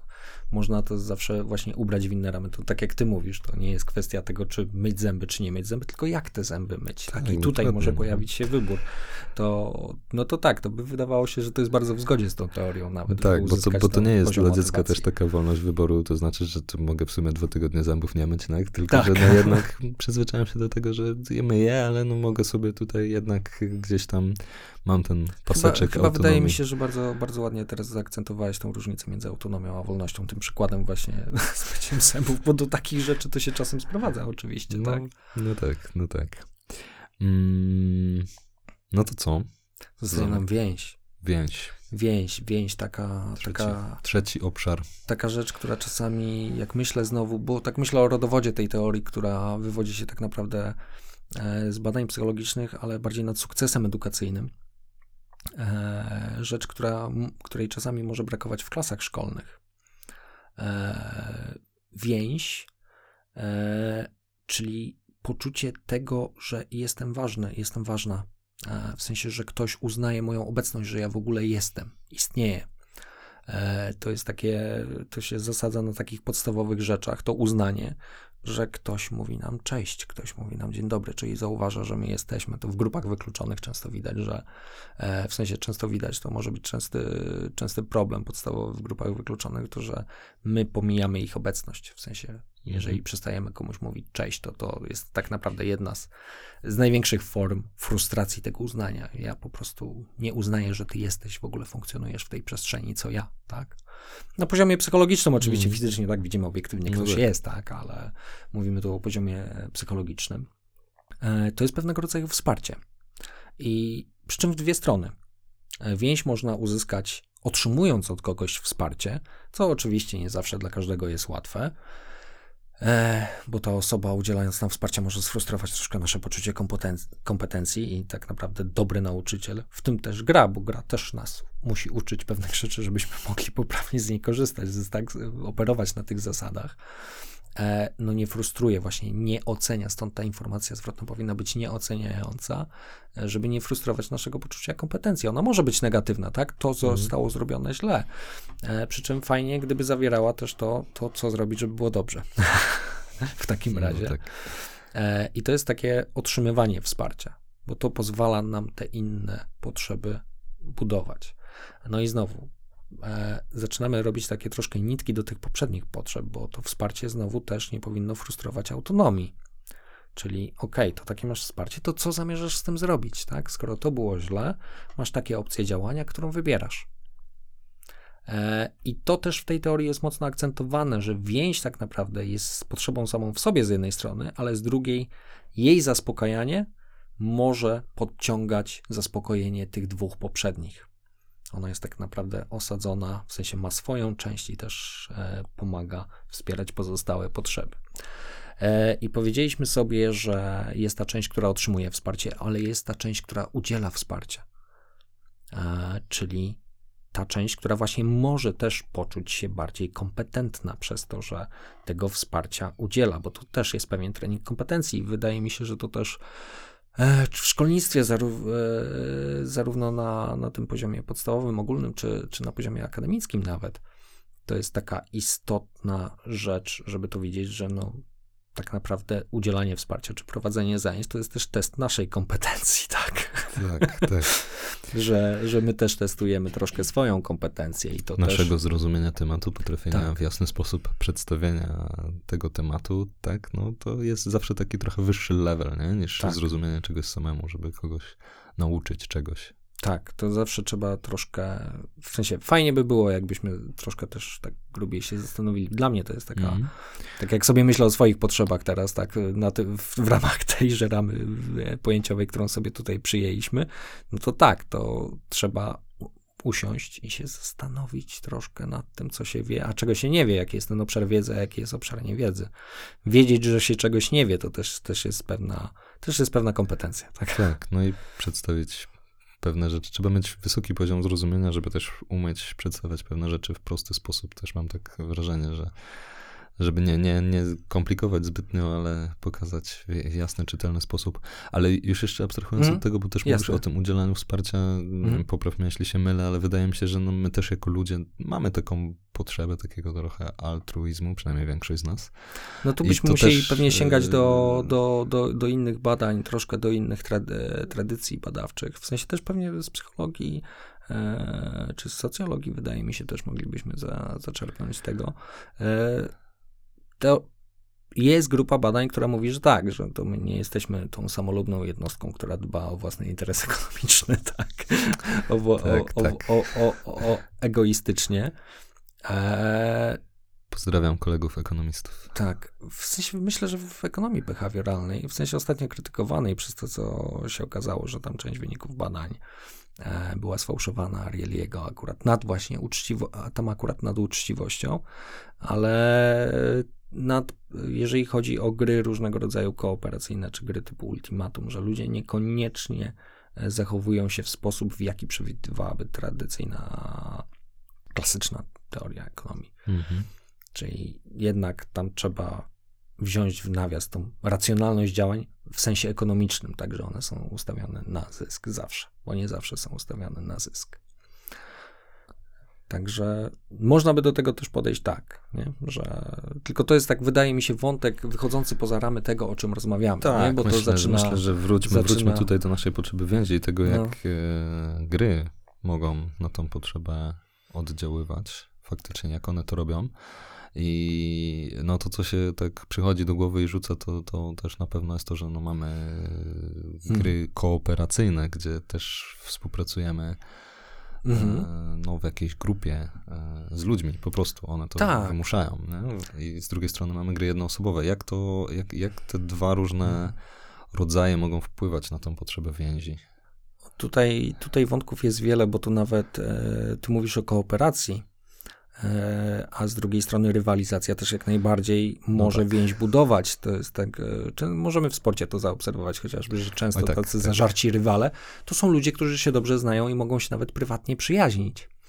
E, bo tak naprawdę to, że my z kimś rywalizujemy, to jest test dla właśnie dla naszej kompetencji, dla naszej autonomii. My pozwalamy się sobie nawzajem testować i podciągać, tak? Czyli to, że ja mam kogoś, kto jest ode mnie bardziej kompetentny w czymś, e, pozwala podciągnąć mi moją kompetencję. W sensie zaspokoić lepiej moją potrzebę. E, to jest jedna rzecz. Kooperacyjne, no te są, tam jest właśnie mniej, tego konfliktu, tak? E, z założenia, bo część kooperacyjnych też jest, tam później różne wariacje się pojawiają, ale co do zasady, no to tak, my wspieramy się nawzajem, tak? I przez to podciągamy swoje kompetencje, tak? W takim e, bezpiecznym środowisku. To jest, e, to jest taka kolejna rzecz. Także wydaje mi się, że zarówno rywalizacja, jak i kooperacja tutaj mogą na tym wsparciu bazować. Co do gier, znowu, bo teraz przerzucamy się na taki inny wymiar, czyli e, gry jednoosobowe, gry wieloosobowe i tak mówiąc o rywalizacji, kooperacji, to i w sporcie, i w tych grach wieloosobowych sobie już w pewnym sensie powiedzieliśmy, tutaj jakiejś różnic e, nie ma, natomiast w grach jednoosobowych to właśnie- świat gry, to No świat właśnie, gry tak. mówi mi, daje mi znać. I tu możemy powiedzieć sobie o tym trzecim, ostatnim komponencie potrzeby więzi, czyli wpływ. To, że ja widzę wpływ mój na to, co się dzieje. I to jest troszkę to, co ty powiedziałeś też o, operowaniu rzeczywistości, że my często działamy, możemy być kompetentni, ale rzeczywistość nie mówi nam, że odbiliśmy na niej jakiś ślad, jakikolwiek, tak? Nie osiągamy na przykład sukcesu, mimo że robiliśmy coś metodycznie, tak? Wydawałoby się dobrze. E, I tutaj w grach my możemy obserwować ten wpływ na różnych poziomach. E, To jest chociażby to, że jak ja coś zniszczę w świecie gry, to to pozostaje zniszczone Mhm. że no i później można różnego rodzaju wariacje widzieć. Powiedzmy, że mamy grę, w której wysadzamy most. Taka, nie wiem, dywersja. Prowadzimy jakąś dywersję. Jest taka aktywność jak wysadzanie mostu. To my wysadzamy ten most, widzimy, że ten most no jest teraz zniszczony. Udało nam się, byliśmy kompetentni, tak, autonomicznie znaleźliśmy strategię, bo ten most był chroniony, powiedzmy, żeby ten most wysadzić jako gracz i my widzimy, że on jest zniszczony. Widzimy swój wpływ na środowisko. I gdy wracamy w to samo miejsce po pewnym czasie, widzimy, że ten świat zareagował na to zniszczenie mostu. Czyli tam pojawia się na przykład jakaś ekipa, która zaczyna ten most naprawiać. Po pewnym czasie ten most jest skończony. Znowu, można, czy to można go wysadzić, czy coś się w tym świecie gry pozmieniało, tak? I to jest na takim bazowym poziomie. Są gry, które też operują na wyborach moralnych, że cały świat gry się zmienia. Ja pamiętam taką serię, w sensie ona dla mnie jest taką wizualną, dobrą reprezentacją, bo wiele gier to też robi, tak? Że w zależności od tego, czy moje, jak moje wybory są postrzegane przez świat gry, oczywiście to jest oskryptowane, tak zapisane w grze, e, jak ten świat zareaguje, w którą stronę, no to ten świat się zmienia, tak? Może Mhm. on być bardziej sielski, a może być bardziej zbrutalizowany, tak? bardzo nieprzystępny. E, czyli to, co ja robię, wpływa na to, jak się zmienia to rzeczywistość, tak? Jak reagują na mnie postaci w grze. Że one, a ty zrobiłeś coś takiego, ty pokonałeś jakąś tam postać, o, jesteś naszym wielkim bohaterem. E, I to wydaje się pewnego rodzaju sztampą. Część graczy na to reaguje już różnie w tej chwili, jako że to się spopularyzowało.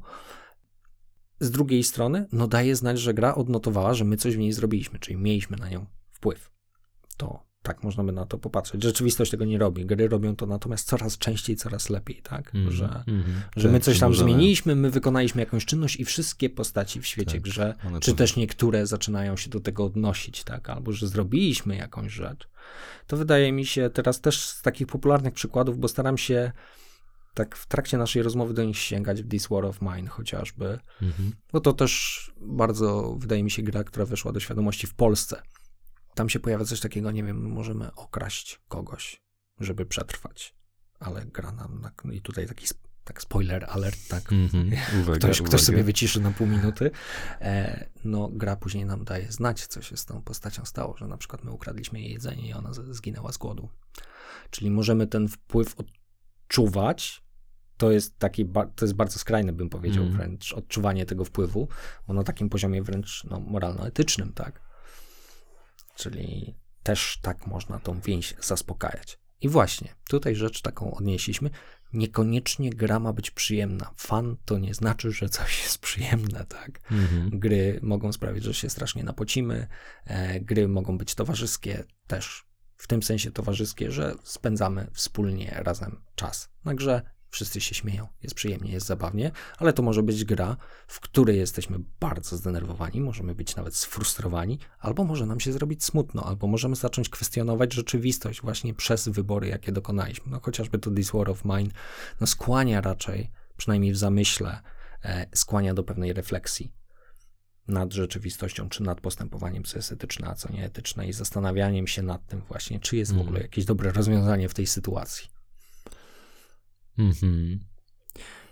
Jak jesteśmy przy tej więzi, to powiedziałeś jeszcze jedną taką rzecz. Bezpieczne środowisko, że gry dają bezpieczne środowisko i tak mi się nasuwa też takie myślenie, e, czy może to jest tak, że w grach jest po prostu czasem, nawet często w sumie, łatwiej budować te więzi niż e, w rzeczywistości, albo to, że popularność gier, czy niektórych na przykład wśród młodych osób może też wynikać z tego, że mm, trudne jest budowanie czy wychodzenie w relacji z rówieśnikami, a gra z jednej strony może być takim właśnie bezpiecznym środowiskiem, z drugiej strony mm, może to też ma taki wpływ, że dla grup rówieśniczych, jeżeli inni się tym Mhm. interesują, grają w gry, tak, to też może być taki klucz do Tutaj- wejścia do jakiejś no, no. społeczności.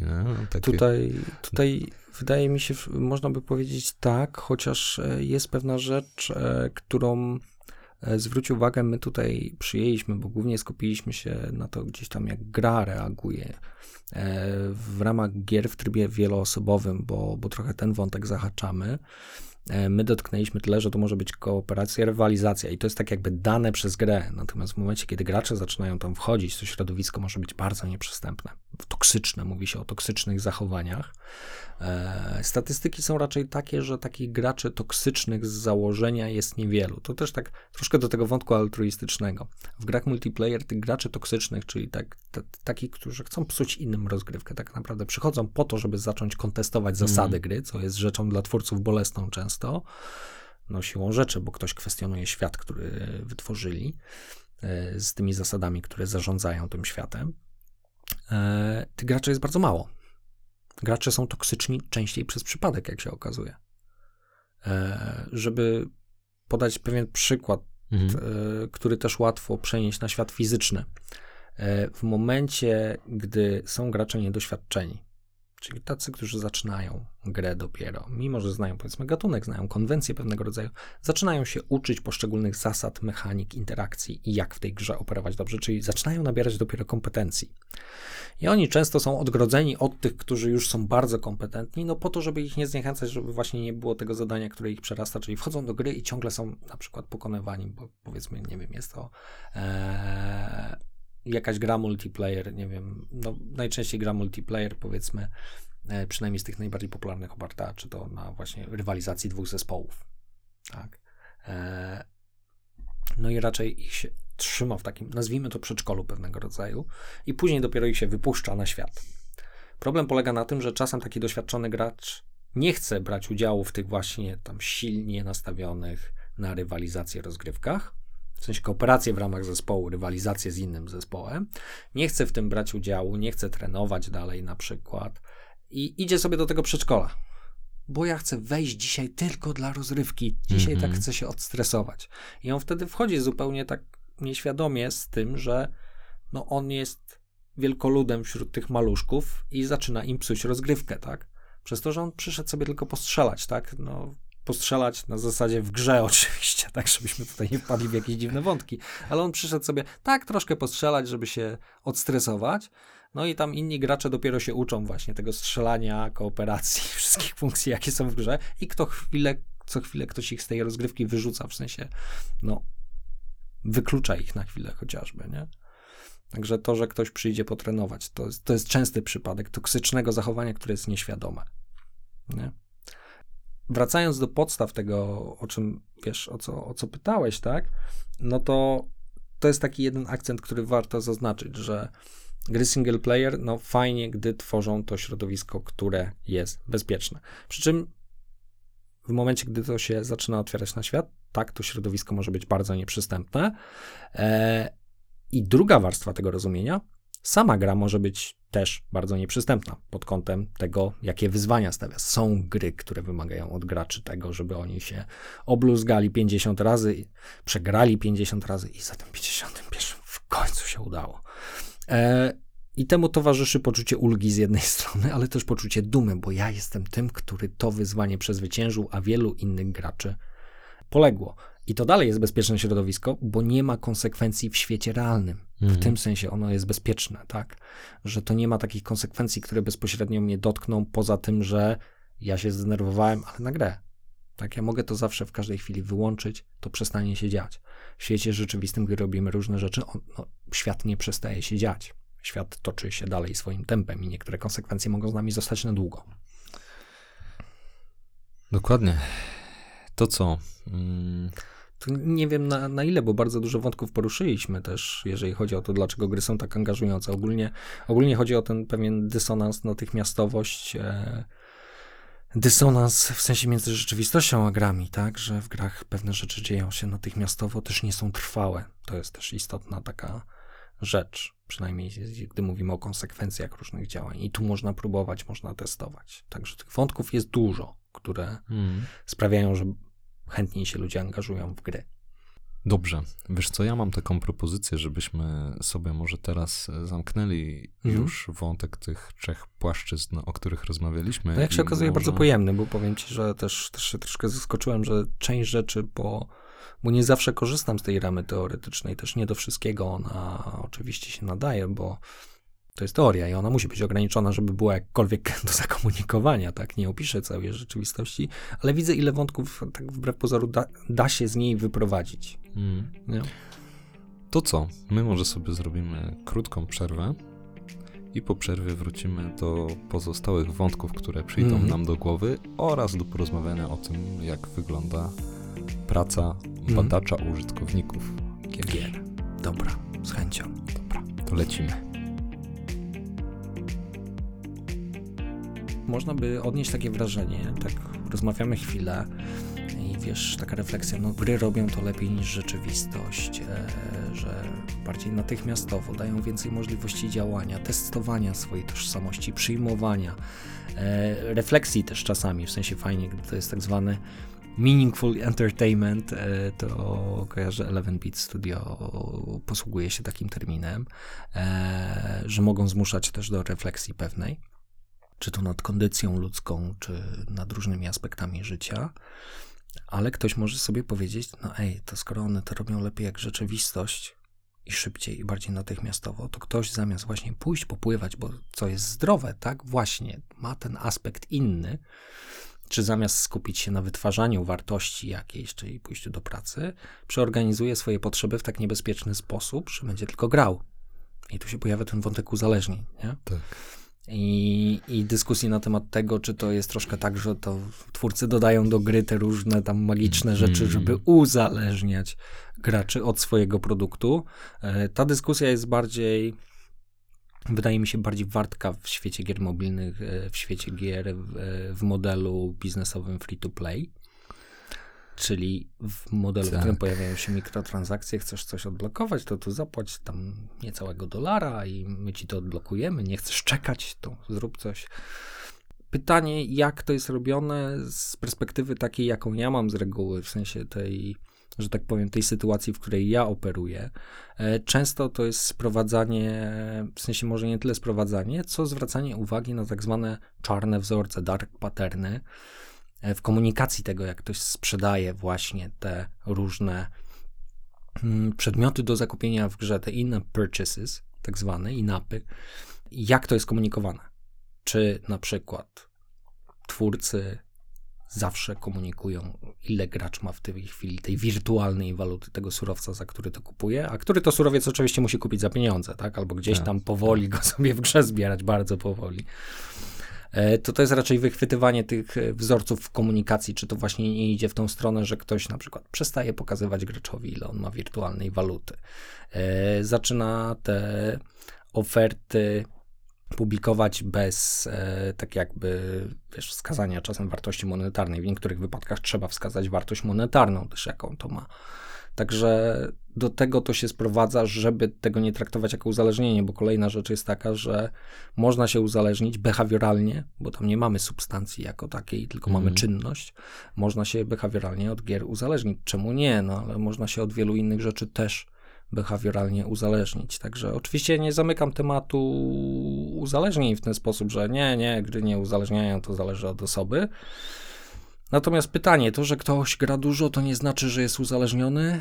E, Pytanie, jak inne potrzeby, już abstrahuję od tych potrzeb, o których my mówimy w ramach Pensa, e, ale potrzeby ogólnie, tak bardziej z Maslowa, tak, czyli Mhm. te potrzeby fizjologiczne bezpieczeństwa, czy tych potrzeb nie frustruje? Bo jeżeli te inne potrzeby są zaspokojone, ktoś wykonuje dalej swoje obowiązki życiowe, tylko gra bardzo dużo, to zasadniczo pewnym ujęciu no, ta osoba nie jest uzależniona, no, po prostu dużo konsumuje. Mm.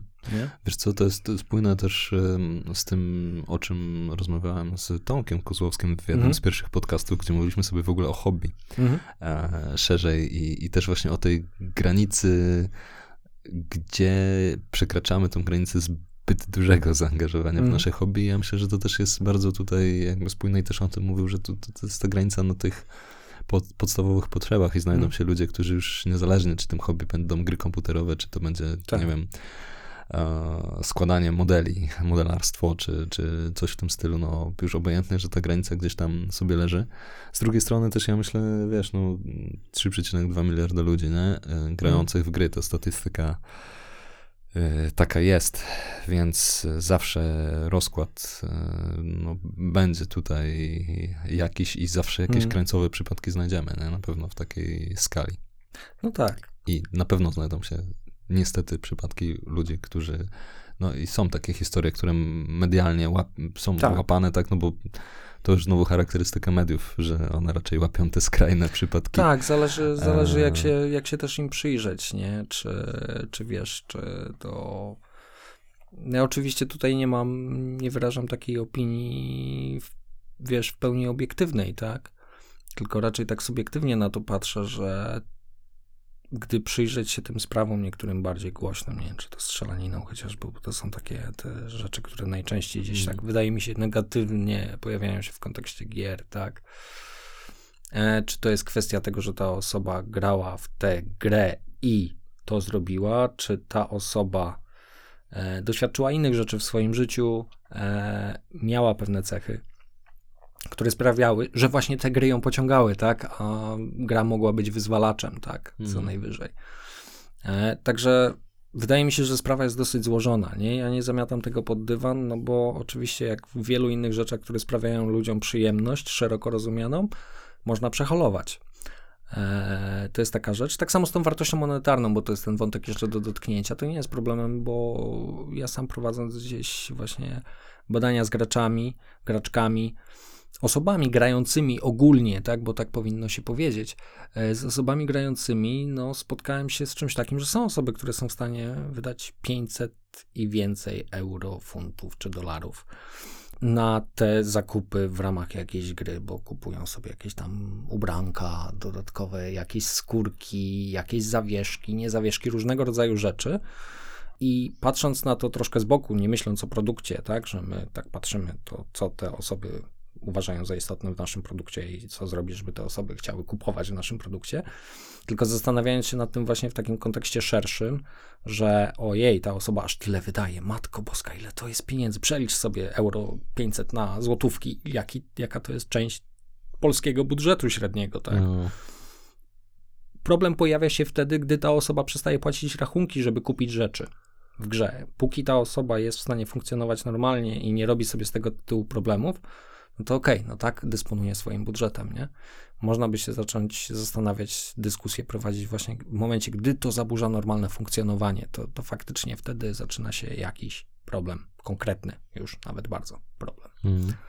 To to jest taki jeden wątek, który... No, z drugiej strony, znaczy wiesz, tu, tu już tak, to też można obrócić, że w naszym konsumpcyjnym świecie to może paradoksalnie kupowanie tych dóbr cyfrowych będzie, nie wiem, już szeroko patrząc, mniej szkodliwe zamiast kupowania sobie znowu jakichś fizycznych rzeczy, tak? A, Dla- w tym sensie. dla tak, środowiska, tak, tak, dlatego- tak to ugryźć. Myślę, no, że no. to, wiesz, różne kąty tu można spojrzeć, a ogólnie do wykorzystania samej teorii czy narzędzi, to ja też myślę, że wiesz, no każdą teorię, każde narzędzie można w różnoraki sposób No wykorzystać. tak, ona jest, ona jest neutralna.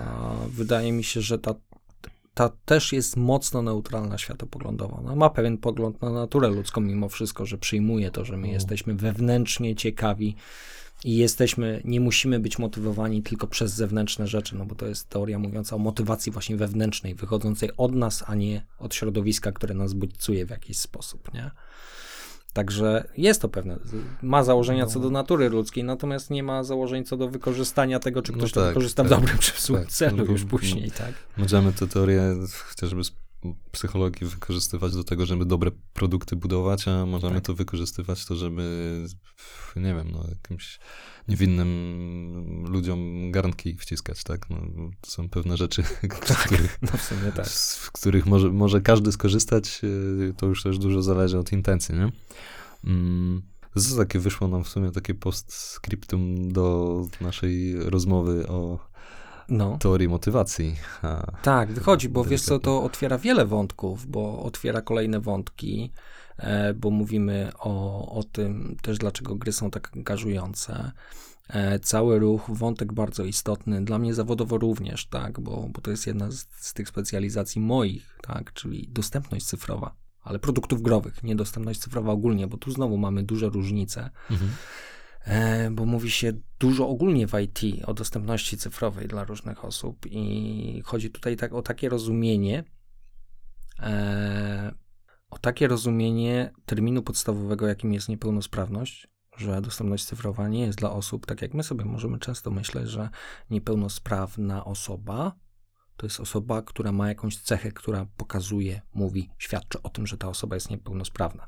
My tu się poruszamy raczej w, takiej, w takim modelu rozumienia niepełnosprawności społecznym. To znaczy, niepełnosprawność to coś, e, co pojawia się e, podczas interakcji osoby z jej otoczeniem. Mhm. Czyli tak samo ja czy ty, my możemy być e, sytuacyjnie niepełnosprawni. No chociażby, nie wiem, mam, mam dwójkę małych dzieci, tak? I nie mogę grać, nie wiem, na włączonych głośnikach wieczorem, bo nie chcę swoich pociech pobudzić, tak? I w momencie, kiedy gra nie bierze pod uwagę osób z niepełnosprawnością słuchową, czy to trwale właśnie z, pewną, z pewnym uszkodzeniem słuchu, tak? E, czy osób tymczasowo niepełnosprawnych słuchowo. Ktoś ma zapalenie ucha. Czy właśnie sytuacyjnie, tak jak ja, bo nie chcę pobudzić dzieci, no to ona frustruje moją potrzebę kompetencji. Ja nie jestem w stanie tej gry doświadczyć w pełni, tak. Mhm. E, i, I to jest rzecz taka dosyć istotna, że gry też starają się to robić coraz lepiej zresztą. E, to widać po samej branży z tym, że są przyznawane nagrody w kategorii dostępności, czyli accessibility, bo, bo też e, to słówko z angielskiego zagościło na trwałe podstrzechy w IT. E, są przyznawane nagrody. Konferencja dotycząca samego game accessibility odbywa się już dwa razy w roku ze względu na duże zainteresowanie. No i to jest taki wątek, który mi się też tak pojawił, połączył niejako troszkę z tą potrzebą kompetencji, że właśnie chcemy, żeby jak najwięcej osób czuło się kompetentnych i mogło się do tej gry włączyć. I to jest też rzecz motywująca gry, tak? Jestem w stanie robić rzeczy, których w rzeczywistości nigdy nie zrobię, tak? E, to jest jeden z takich wątków który przyciąga ludzi do gier. I to jest dostępność. Jest też szerzej coś, co się nazywa inkluzywnością, bo to, że coś jest dostępne, to nie znaczy, że jest inkluzywne. Ja zauważyłem, że często w, takich wątkach się pojawia, że my robimy inclusive design, czyli to projektowanie włączające i jak jest dostępne cyfrowo, to już jest włączające. No to jest jeden z warunków tylko. Mhm. Ja podam taki przykład growy, gry, która e, w sensie nie podam teraz tytułu, ale rzeczy, które dzieją się w grach nawet wielu, bo to jest często taki wywoływany wątek, która wskazuje, że gra jest na przykład e, dostępna, ale nie jest inkluzywna. Osoby z różnymi trudnościami motorycznymi, nie wiem, z niedowładem jakimś i jednocześnie poruszające się na wózku inwalidzkim. To jest taka ciekawostka, że ta gra może być dostępna dla nich, bo sterowanie mogą dostosować do siebie, żeby im się wygodnie sterowało, czyli mogą kompetent, nabierać mhm. kompetencji w rozgrywce i być kompetentni w rozgrywce, czyli zaspokajać tą potrzebę. Jednocześnie gra nie jest inkluzywna, ponieważ to pojawiają się tam powiedzmy postaci, które też poruszają się na wózkach inwalidzkich, tylko są to wózki szpitalne. Tak jak my sobie wyobrażamy, tak często gdy myślimy stereoty- no. o wózku inwalidzkim, to myślimy o takim stereotypowym wózku szpitalnym. Gdy się wpisze w wyszukiwarce nawet wózek codzienny, to się okaże, że to są całkiem niezłe bryki. Nie? Że, wygląda to zupełnie inaczej. Że wygląda to zupełnie inaczej. Czyli gra może być dostępna, ale nie być w pełni inkluzywna. To jest takie, takie, wydaje mi się, rzecz, którą warto zaakceptować. I właśnie rzeczona inkluzywność to jest też taki wątek e, i społecznie istotny i w IT, gdy mówimy o języku włączającym, czy to w miejscu pracy, czy w aplikacjach, tak, że no, to, co ja się też poprawiam tu w trakcie rozmowy, że mówię, że gracze, graczki, osoby grające szerzej. No bo mówiąc tylko o graczach, no zaciemniam troszkę obraz, bo można mówić, że wykluczam w ten sposób połowę osób, które korzystają z gier. Przynajmniej połowę, mm. tak? A mówiąc szerzej osoby grające, no bo w końcu jesteśmy e, już w świecie, który troszkę poszedł do przodu i właśnie nie frustruje czyjejś potrzeby więzi czy autonomii i uznaje, że takie osoby istnieją. To chociażby w kreatorach postaci widać, że nie wiem, jesteś w stanie e, kobiecej postaci dać męski głos, neutralny głos. I na odwrót, tak? Że ta osoba może wyrazić siebie. I to z jednej strony jest na rzecz inkluzywności, że tak my uznajemy, czyli znowu odwołujemy się do potrzeby więzi, my uznajemy, że ty istniejesz. Tak? To nie jest tak, że ciebie nie ma. Że możesz być albo kobietą, albo mężczyzną w tej grze. Tylko i wyłącznie. I ktoś by mógł zacząć się zastanawiać, czy to nie jest ideologicznie podszyte, natomiast z perspektywy kreatywnej to dla osób, które są, no i teraz no użyjemy tego sformułowania, bo poszliśmy, mm. poszedłem w taką stronę, heteronormatywne, to też jest forma do sobie poeksperymentowania w grze, do wyrażenia siebie na jeszcze inny sposób, tak? Czyli de facto nie chodzi o ograniczenie swobody twórczej czy poprawność polityczną, de facto ileś tych wątków mądrze zaimplementowanych pozwala na większą kreatywność i tak naprawdę odblokowanie pewnych rzeczy, które w grze są. Poza tym to też myślę, że to też pewnie, znaczy to też pewnie będzie się odnosić też do budowania no już w tych większych projektach, mhm. ale też zespołu, no bo e, Wydaje mi się, że po części może być tak, że no to jest, jeżeli mamy grupę osób bardzo podobnych do siebie, które budują produkt, już nawet mhm. szerzej patrząc, no, myśląc tylko przez swoją perspektywę, no to zrobią taki produkt, który z ich perspektywy będzie dobrze funkcjonował, ale on może wykluczyć kogoś, tak? No bo mhm. nie jesteśmy, nie są w stanie te osoby złapać innej perspektywy spojrzenia na to, nie? Mm-hmm. No i to, to, to, to, już też w IT szerzej, nie? Też się tak steruje, że czasem brakuje tak. tego, że później e, no później ten produkt, mimo że ma być do jakiejś grupy dedykowany albo do wielu grup, no to jest skonstruowany w taki sposób, mm-hmm. że odpowiada potrzebom twórców, e, niekoniecznie wszystkim użytkownikom, tak? To jest, e, powiedziałbym nawet e, tak, że w momencie, gdy mamy pewien hermetyczny zespół, w sensie w, nie, w niektórych wypadkach to ma sens, tak, to ja tego nie neguję, że teraz wszystkie zespoły powinny wyglądać w jakimś tam, tam modle, tak, natomiast e, idea, na przykład jeżeli chodzi o unikanie sztamp pewnego rodzaju fabularnych, narracyjnych, tak, stereotypowego przedstawienia ciągle grup jakichś, czy to mniejszościowych, czy ze względu na różne cechy, tak, no to dążymy w stronę różnorodności, tak, z jednej strony w samych grach, tak, bo to pozwala właśnie stworzyć ciekawsze historie, no ale różnorodność to nie wszystko, bo różnorodność tylko mówi po prostu ile różnych cech, tak jakby różnych, czy to mhm. geograficznie, czy rasa, czy wiek, czy płeć, czy właśnie niepełnosprawności i tak dalej, reprezentujemy w świecie, tym przedstawionym. I to jest jedno, tylko to jest bardzo po wierzchu, bo to jest takie widać, a ta osoba jest taka, ta osoba jest taka, pewnych rzeczy nie widać oczywiście, tak? no ale pokazujemy, że tak, istnieją, uznajemy, natomiast e, jest różnorodność, ale jest też reprezentacja. I to jest rzecz, której, która pojawia się jeszcze póki co w tych większych produkcjach, czyli na ile my poprawnie reprezentujemy w ogóle te różnorodne grupy osób, jednostek, nie? Bo może być tak, że grę właśnie, i to jest to, co ty mówisz o tworzeniu zespołów, e, właśnie o dużej rozpiętości różnorodnych, nie? W sensie kompetentnych z jednej strony, no bo siłą no rzeczy no tak, one, te osoby musi. muszą mieć pewne umiejętności, żeby w ogóle funkcjonować, tak, przy tworzeniu takiego produktu. E, z drugiej strony, no różnorodne, czyli z różnym właśnie bagażem doświadczeń życiowych, e, kulturowych też, tak, bo to też i o takie chodzi. E, no idea jest taka, że no zespół musi być różnorodny, żeby stworzyć właśnie tak różnorodną fabułę, a przynajmniej powinien odwoływać się do jakichś ekspertów, którzy pochodzą właśnie, mają przynajmniej jakąś wiedzę na ten temat.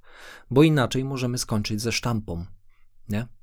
I, I właśnie ja nie oceniam tego znowu ideologicznie, tak? Bo czy, czy wiesz, czy to jest poprawne politycznie, czy nie, bo można takie zarzuty gdzieś otrzymać, tak? Ja natomiast na to patrzę z perspektywy takiej, co pozwala wytworzyć lepszy produkt, ciekawszą historię. To jest, to jest gdzieś moja perspektywa. Jeżeli zespół bierze się za wytwarzanie właśnie próbę reprezentacji jakichś grup osób, bo to nie chodzi tylko o osoby LGBTQ+, ale rzecz bardziej podstawowa nawet u nas w Polsce, tak? Reprezentacja kobiet w grze.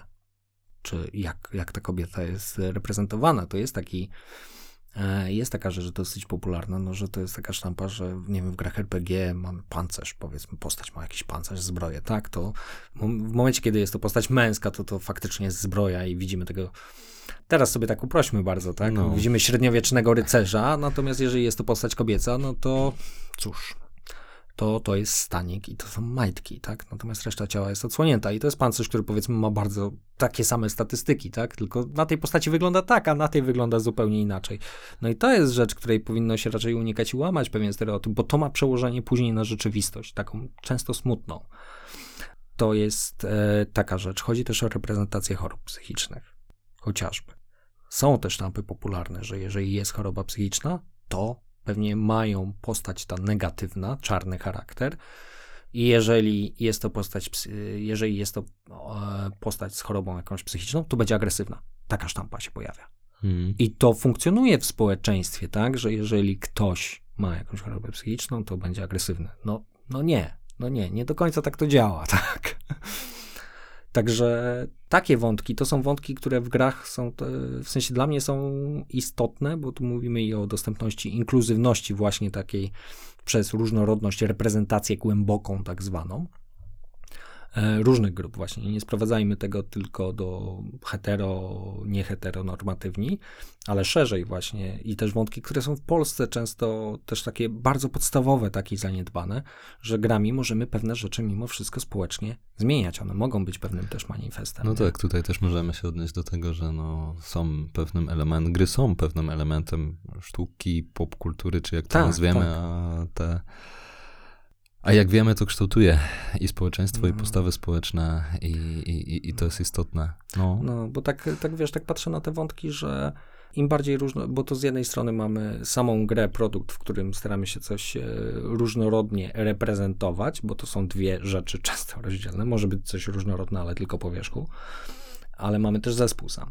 Nie? Jeżeli zespół nie jest różnorodny, to to nie jest problem sam w sobie, przynajmniej z mojej perspektywy. Raczej jest kwestia, co ten zespół z tym zrobi. Czy ma świadomość, że o, nie jesteśmy różnorodni, zatem musimy albo wprowadzić nowe osoby z innym, e, tak jakby podłożem, z innym zapleczem życiowym, kulturowym do zespołu, albo szukać gdzieś właśnie pomocy na zewnątrz, żeby zweryfikować, czy te nasze pomysły nie idą w stronę stereotypu, sztampy pewnego rodzaju nie? Bo, bo łatwo w Tak, taką tak. sztampę podać. i No, świadomość jest kluczowa, nie? No świad- to- to- świadomość jest kluczowa, bo Można wtedy podjąć działania. w sensie można podjąć działania świadome i niekoniecznie to musi być zwiększenie różnorodności zespołu. Ja raczej tak patrzę, że, że No bo czasami końcowy- to też jest niewykonalne po prostu, nie? No bo to co mówisz, Tak. muszą być zachowane pewne kompetencje, No.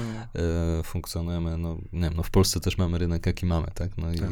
ciężko, ciężko czasem po prostu, no brakuje, jesteśmy generalnie, no teraz może się to troszkę zmienia, ale jako społeczeństwo już historycznie Mhm. też dość jednorodnym e, społeczeństwem kulturową, no to też się przekłada na biznes, nie? No też nie ukrywajmy, czy tworzenie jakichś produktów. Tak, to nie? można mówić, że to jest, e, że pracujemy zdalnie, działka jest globalna i tak dalej, natomiast no, natura rzeczy jest taka, że w studiach co do zasady no, większość będzie osób pochodzących z danego kraju, tak?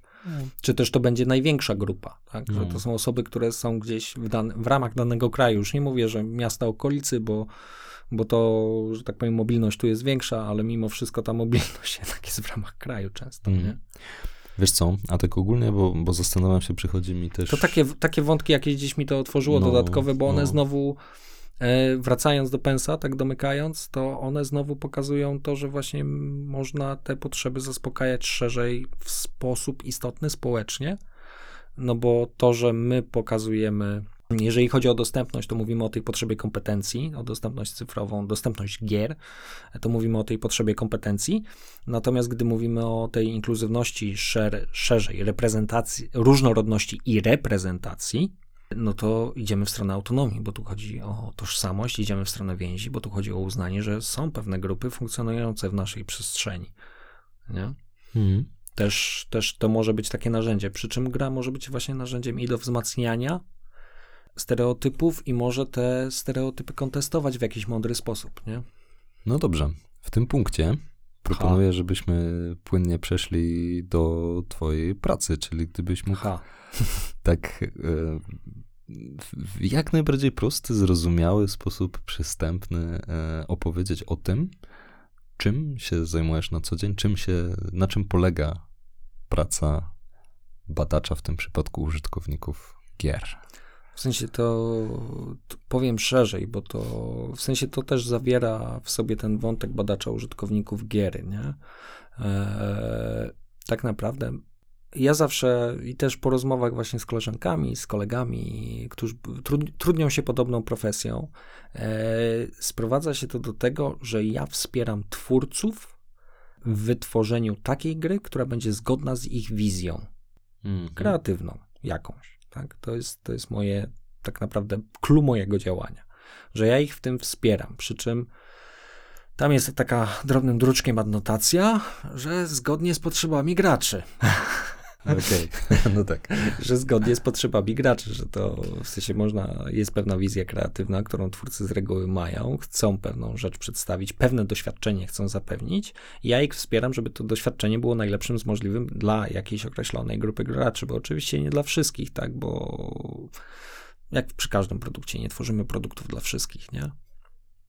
To tak w podstawach tym się zajmuję, czyli wspieram. Wspieram. Mhm. Moja, moją rolę Mhm. można uznać jako supportującą. Czasami kontrolującą też, w sensie controlling tak zwany, przy czym to jest controlling produktu, nie, nie controlling w rozumieniu finansowym, tak? Chociaż jest to rola taka audytorska troszkę, że ja czasami sprawdzam, czy ten produkt, który jest w tym momencie, w sensie ta jego wersja, która w tym momencie funkcjonuje, e, jest zgodna z założoną wizją kreatywną. Bo to też jest moje zadanie. To nie jest tylko wsparcie, żeby osiągnąć wizję, ale czasami mam tę rolę kontrolującą, która mówi, no w tym momencie rozjeżdża się to w tym i w tym punkcie. Nie? Co Mhm. w związku z tym, no i co w związku z tym chcecie zrobić, czy gdzie potrzebujecie wsparcia. No dobra, a tak w praktyce.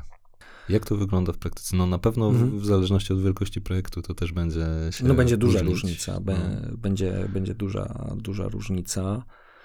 Tylko pytanie, od czego byśmy chcieli wyjść, bo, bo to na różnych płaszczyznach się objawia, nie? Mhm. E, bo można wyjść od można wyjść od gatunku gry, bo co gatunek gry to troszkę co innego, na innych rzeczach trzeba się skupiać. W jednych grach, e, na przykład w grach logicznych, które nie mają silnie rozwiniętej, w sensie już mówię o takich abstrakcyjnych grach logicznych, tam gdzie nie ma silnie rozwiniętej tej warstwy narracyjnej e, z historią całą, no szachy na przykład, o, z fizycznych przykładów, no tam nie ma. Wiemy, zasadniczo możemy opowiedzieć historię, że to są dwa wojujące ze sobą królestwa, tak? No tak.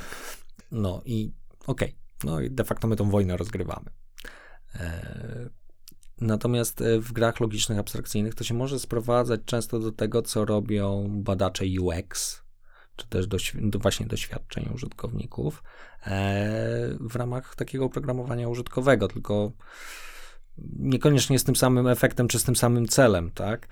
E, sprawdzenie, czy z tego produktu da się korzystać, no bo jak gracz nie rozumie zasad gry i nie jest w stanie korzystać z tych zasad, czyli wejść w interakcję w sposób, który jest dla niego zrozumiały, no to siłą rzeczy on się nie zaangażuje. No to są warunki konieczne, żeby w mm. ogóle można było mówić o zaangażowaniu, bo to jest taka rzecz, która on na przykład pens nie obejmuje tego, nie zastanawia się nad tym, on zakłada, że te rzeczy są spełnione, czyli zwykła użyteczność chociażby produktów. Czy da się z nich korzystać w wygodny sposób dla jakiejś grupy? To jest jedna rzecz to mogą być e, już rzeczy, taka bardzo, takie bardzo podstawowe rzeczy bada, badacza użytkowników gier, czyli prowadzenie tak zwanych playtestów. Czyli pokazywania gry przed ukończeniem graczom. Na różnych etapach produkcji, tak, bo pewna bolączka branży ciągle jest taka, że gry się pokazuje bardzo późno. No bo w sensie graczom, już nie mówię, że publice szerokiej, tak, że się je anonsuje bardzo późno, no bo raczej wszyscy chcą to trzymać w tajemnicy, nie pokazywać niedopracowanego produktu, no bo mogą tak naprawdę więcej krzywdy sobie zrobić niż pożytku. I to jest tak naprawdę obserwacja graczy, jak oni grają, zadawanie im pewnych pytań o różne komponenty gry. No bo gra składa się też z różnych komponentów. To nie jest tylko tak, że gra ma zasady, świat przedstawiony, no to im ciekawszy będzie świat i fajniejsze będą zasady, lepiej zrozumiałe i bardziej złożone, w sensie wchodzące ze sobą w jakieś różne interakcje, tym ciekawszy będzie efekt. Są pewne komponenty, które też ja muszę w grze pooceniać przy okazji takiego playtestu. Na różnych etapach produkcji różne komponenty się ocenia, bo ocenia się właśnie rzeczoną użyteczność, zrozumiałość mm. całego tego, jak to działa. To może być użyteczność, zrozumiałość samego sterowania, ale to może być użyteczność historii, bo jest ta użyteczność narracyjna, tak to się śmiesznie określa, czyli czy w ogóle te wydarzenia, które są zaprezentowane w grze, mają jakikolwiek sens dla tych ludzi, którzy mają w tych wydarzeniach no wziąć no tak. udział, czy to się łączy w jakąś logiczną całość, czy mm. e, zarysowane są odpowiednie motywacje różnych postaci, czy te postaci są silnie, z, w sensie odpowiednio zaakcentowane, że wiadomo, kto jest głównym bohaterem, kto jest pobocznym, e, jakie są motywacje, jaka jest funkcja na przykład różnych postaci, bo to też jest istotne, czy funkcja przeciwników, że ja widzę, że o, ten przeciwnik jest duży, masywny, e, ma na sobie dużo pancerza, więc wiem, że będę musiał, nie wiem, tym, tą bronią, którą mam, uderzać wiele razy, żeby go pokonać, ale jest wolny, więc będę mógł przed nim uciec. A ten jest smukły i w ogóle ma kaptur takiego złodziejaszka, ma dwa miecze, e, w sensie dwa sztylety, czyli pewnie będzie bardzo szybki, ale znowu będzie miał bardzo mało punktów życia, więc łatwiej będzie mi go pokonać. To jest ocena też takich mm. rzeczy wizualnych, koncepcyjnych. To jest jedna część. To są też analizy samych projektów czasami. Przy czym mam na myśli projekty poziomów, map. E, no bo gry często można podzielić na jakieś poziomy, można je podzielić na questy, na sekcje świata, w zależności od tego, jaki mamy typ gier. No, w, my tak odwołujemy się do tych przypadków znanych przede wszystkim, bo też nie ma iść co w takie przypadki bardziej specyficzne growe, ale gry mogą być podzielone na poziomy. No nie wiem, jak wiesz, chociażby Mario tak ma różne poziomy. E, to mogą być różne krainy, jak w Wiedźminie, biomy, tak zwane, czyli pewne sekcje świata, które mają wyróżnik stylistyczny, e, pewien motyw przewodni i tak dalej. I można to analizować. Można analizować pojedyncze zadania, questy, wyzwania, mhm. jakie stają przed graczem. I tak naprawdę to jest analizowanie struktury, czy to ma wszystkie elementy, w których miejscach na przykład pewne elementy są wykorzystywane za często, w których za rzadko, e, jakich elementów tam brakuje tak strukturalnie już, nie? To są też takie analizy strukturalne.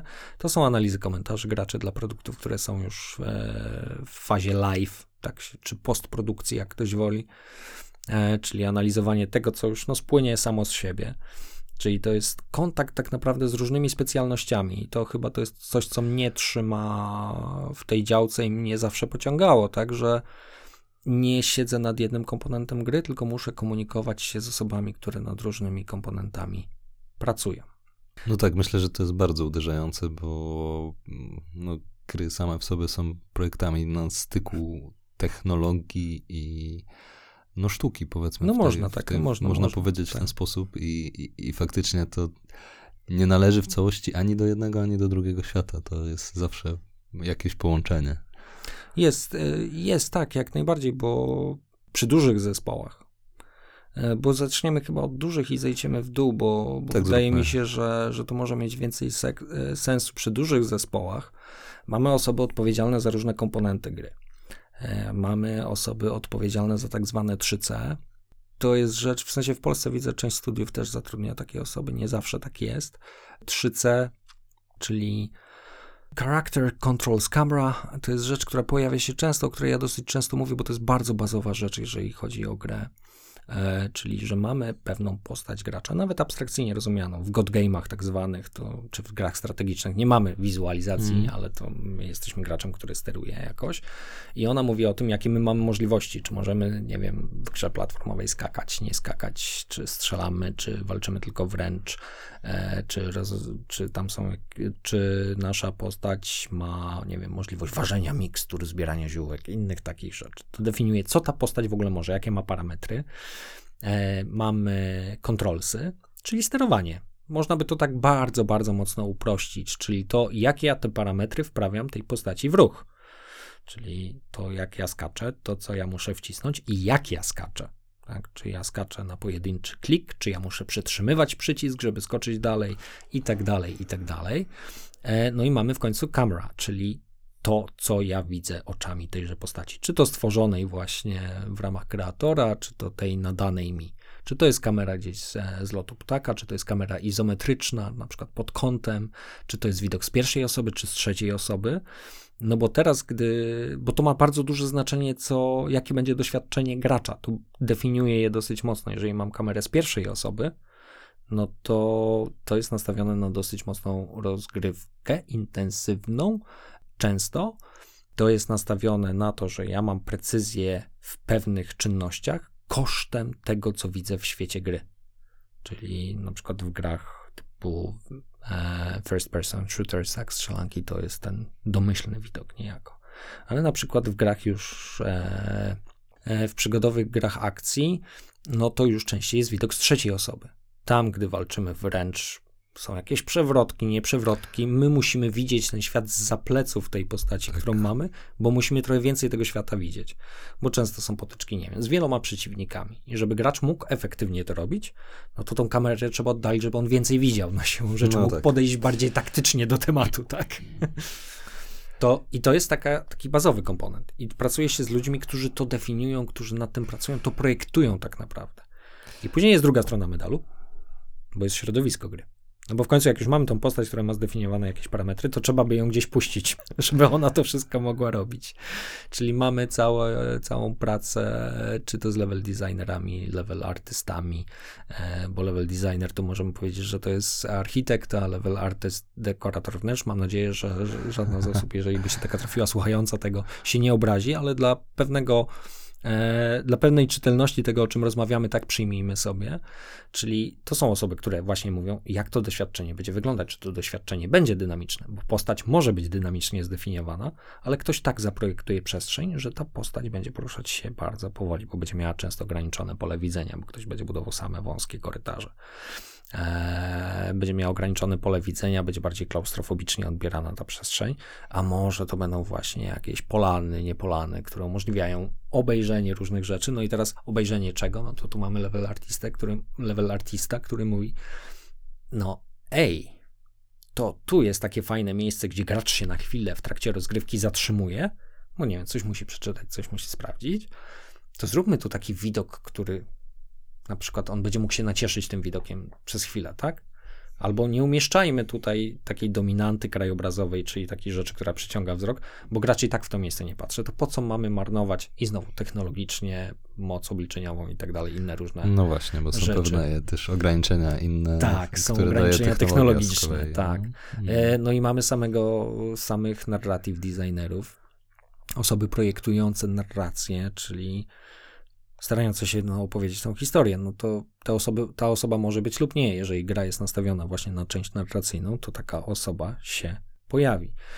No i później to można rozbijać dalej na jakieś subspecjalizacje, bo mogą być combat designerzy, czyli osoby projektujące walkę. Jakkolwiek ta walka jest rozumiana, czy wręcz, czy na dystans, czy czym ta walka jest, czyli skupiające się na tym, jakie tam sekwencje ruchów się będą e, pojawiały. 150 jeszcze innych specjalizacji tam się takich pojawia, których, e, które na pewno pominąłem. Tak, tak ci powiem, bo, bo to zaczyna się, że tak powiem, e, wydzielać, bo mamy i osoby od samego, od samej gry, mamy osoby od narracji, to są te dwa podejścia takie, Mhm. w sensie można zacząć od tego, można zacząć od tego, obydwie są istotne, tak? Dla, często pojawia się ta dychotomia, czy powinniśmy wychodzić od głównej narratywnej wizji, że taki jest świat tej gry i taką historię chcemy opowiedzieć, a możemy wychodzić od tego, ej, bardzo fajnie się robi taki ruch. Jaką grę możemy z tego zrobić? Nie? Że albo fajnie, zrobiliśmy taką walkę na miecze, ej, co, jaką grę byśmy Mhm. mogli do tego zrobić? No i kończy się, że może to nie jest walka na miecze, tylko, nie wiem, na kijki czy, czy w ogóle zupełnie coś innego, tak? Bo ktoś dopiero potem dorabia do tego narracji. Obydwa podejścia, przynajmniej z mojej perspektywy, tak jak ja pracuję, są dobre. Czasami definiowane, podyktowane gatunkiem, a często kompetencjami zespołu, bo zespół na przykład mniejszy, i teraz zaczynam schodzić troszkę w dół, nie ma tak powydzielanych kompetencji. Nie ma tak, że jest e, gameplay designer, jest combat designer, jest 3Cs designer, pojawia się gdzieś tam jeszcze UX designerzy mogą być po drodze, tak? A producenci są, o Jezu. Osoby, które dzierżą budżet, które patrzą na harmonogramy i patrzą, żeby e, całe to kreatywne towarzystwo w jakimś tak, to są, e, w jakichś rozsądnych ramach się zamknęło, bo można tworzyć oczywiście w nieskończoność. One, producenci patrzą na te ograniczenia czysto biznesowe, zarządcze, e, często też technologiczne. I z nimi też się współpracuje, bo to są osoby, które przychodzą i mówią: Słuchaj, wytworzyliśmy coś takiego. To spójrz na to, zobacz, bo będziemy mieli rozmowę z wydawnictwem e, i chcemy wiedzieć, czy to, co im prezentujemy, spełnia te wymagania, które wydawnictwo ma. Na przykład. W mniejszych zespołach zaczyna się to wszystko. Jest mniejszy poziom specjalizacji na pewno, bo tak jak wiesz, rozmawiamy o dużych studiach, no to jest osobno jest badacz użytkowników gier, osobno jest e, projektant doświadczenia gracza czy doświadczenia użytkownika, czyli tak podobnie jak przy aplikacjach e, użytkowych. Jego funkcja nie jest aż tak w sensie jest istotna, natomiast nie jest aż tak dominująca jak przy oprogramowaniu użytkowym. Mhm. W sensie tam o doświadczenie szerzej gracza dba bardzo dużo osób, bo mamy i projektanta gry, ale mamy i projektanta poziomów, mamy artystów wszelakiej maści, bo to są też animatorzy, to są projektanci dźwięku. Z projektantami dźwięku się bardzo też ciekawie pracuje, chociaż rzadziej, w dużych studiach się raczej pracuje z projektantami dźwięku, przynajmniej w mojej profesji. W mniejszych studiach raczej nie, bo nie ma na to budżetu, nie ma na to czasu zespół nawet by nie był w stanie przetworzyć pewnych rzeczy, w sensie nie ma mocy produkcyjnej, żeby móc przetworzyć pewne rekomendacje dotyczące dźwięku, tylko bierze dźwięk, czy to kupuje gotowy, czy zamawia gdzieś na zewnątrz. E, To jest współpraca też z działami Quality Assurance, Quality Control czy Backtestingu, bo to są trzy takie funkcje, to są trzy specjalności bardzo ze sobą powiązane. tak, które bardziej sprawdzają tą stronę technologiczną, tak, tak. zwanych e, bugów, tak, tego czy tam Czy się, to działa jak powinno w Tak. założeniu, czy się natomiast... zawiesza, czy się tak, nie zawiesza, czy Dokładnie. troszeczkę inna rola, nie? Też Troszeczkę inna patrząca- rola, albo patrząca, jak e, gracz będzie chciał zepsuć tę grę, czy jak może zepsuć tę grę. Nie wiem, mamy grę platformową typu Mario, wszyscy idą w prawo, on stwierdzi, że chce iść w lewo. Taki klasyczny przypadek. No i testuje się takie sytuacje, czy tam się jakieś dziwne rzeczy nie zaczynają dziać, na przykład rozgrywka się nie rozsypuje nagle cała w drobiazgi. Tak, tak, czyli No. przetestowanie wszystkich tych skrajnych sytuacji, wszystkich pomysłów, które No. mogą graczom przyjść do głowy, a niekoniecznie Tak. twórcy chcieliby, żeby. Albo muszą zabezpieczyć po prostu. Albo zabezpieczyć, tak, chociażby takie wyjątki też. Różnica między dużym a małym studiem jest taka, że raz jest mniejszy poziom specjalizacji, no i oczywiście ma to swoje zalety i wady, tak jak w każdej profesji. Tak naprawdę, przy dużej skali, no masz pewien wycinek rzeczywistości, w którym operujesz, e, no masz osoby, które mają tą specjalizację bardziej pogłębioną, czyli jesteś w stanie głębiej wejść w pewne tematy, no co się wiąże z tym, że na przykład jeżeli się prowadzi playtesty, różnego typu, bo to jest też zupełnie osobny temat, jakie są typy, że to nie jest po prostu playtest, tylko są różnego typu na różnym etapie produkcji, no to one mają precyzyjnie zdefiniowane cele, zakres, czasami bardzo drobiazgowy, czasami na tylko jeden malutki temat. Nie? Że my teraz tylko sprawdzamy, jaki będzie zakres broni dostępnej dla gracza. Koniec. To jest temat badania. W małym studiu nie można by było sobie na to pozwolić. Po pierwsze, budżet na to nie pozwala.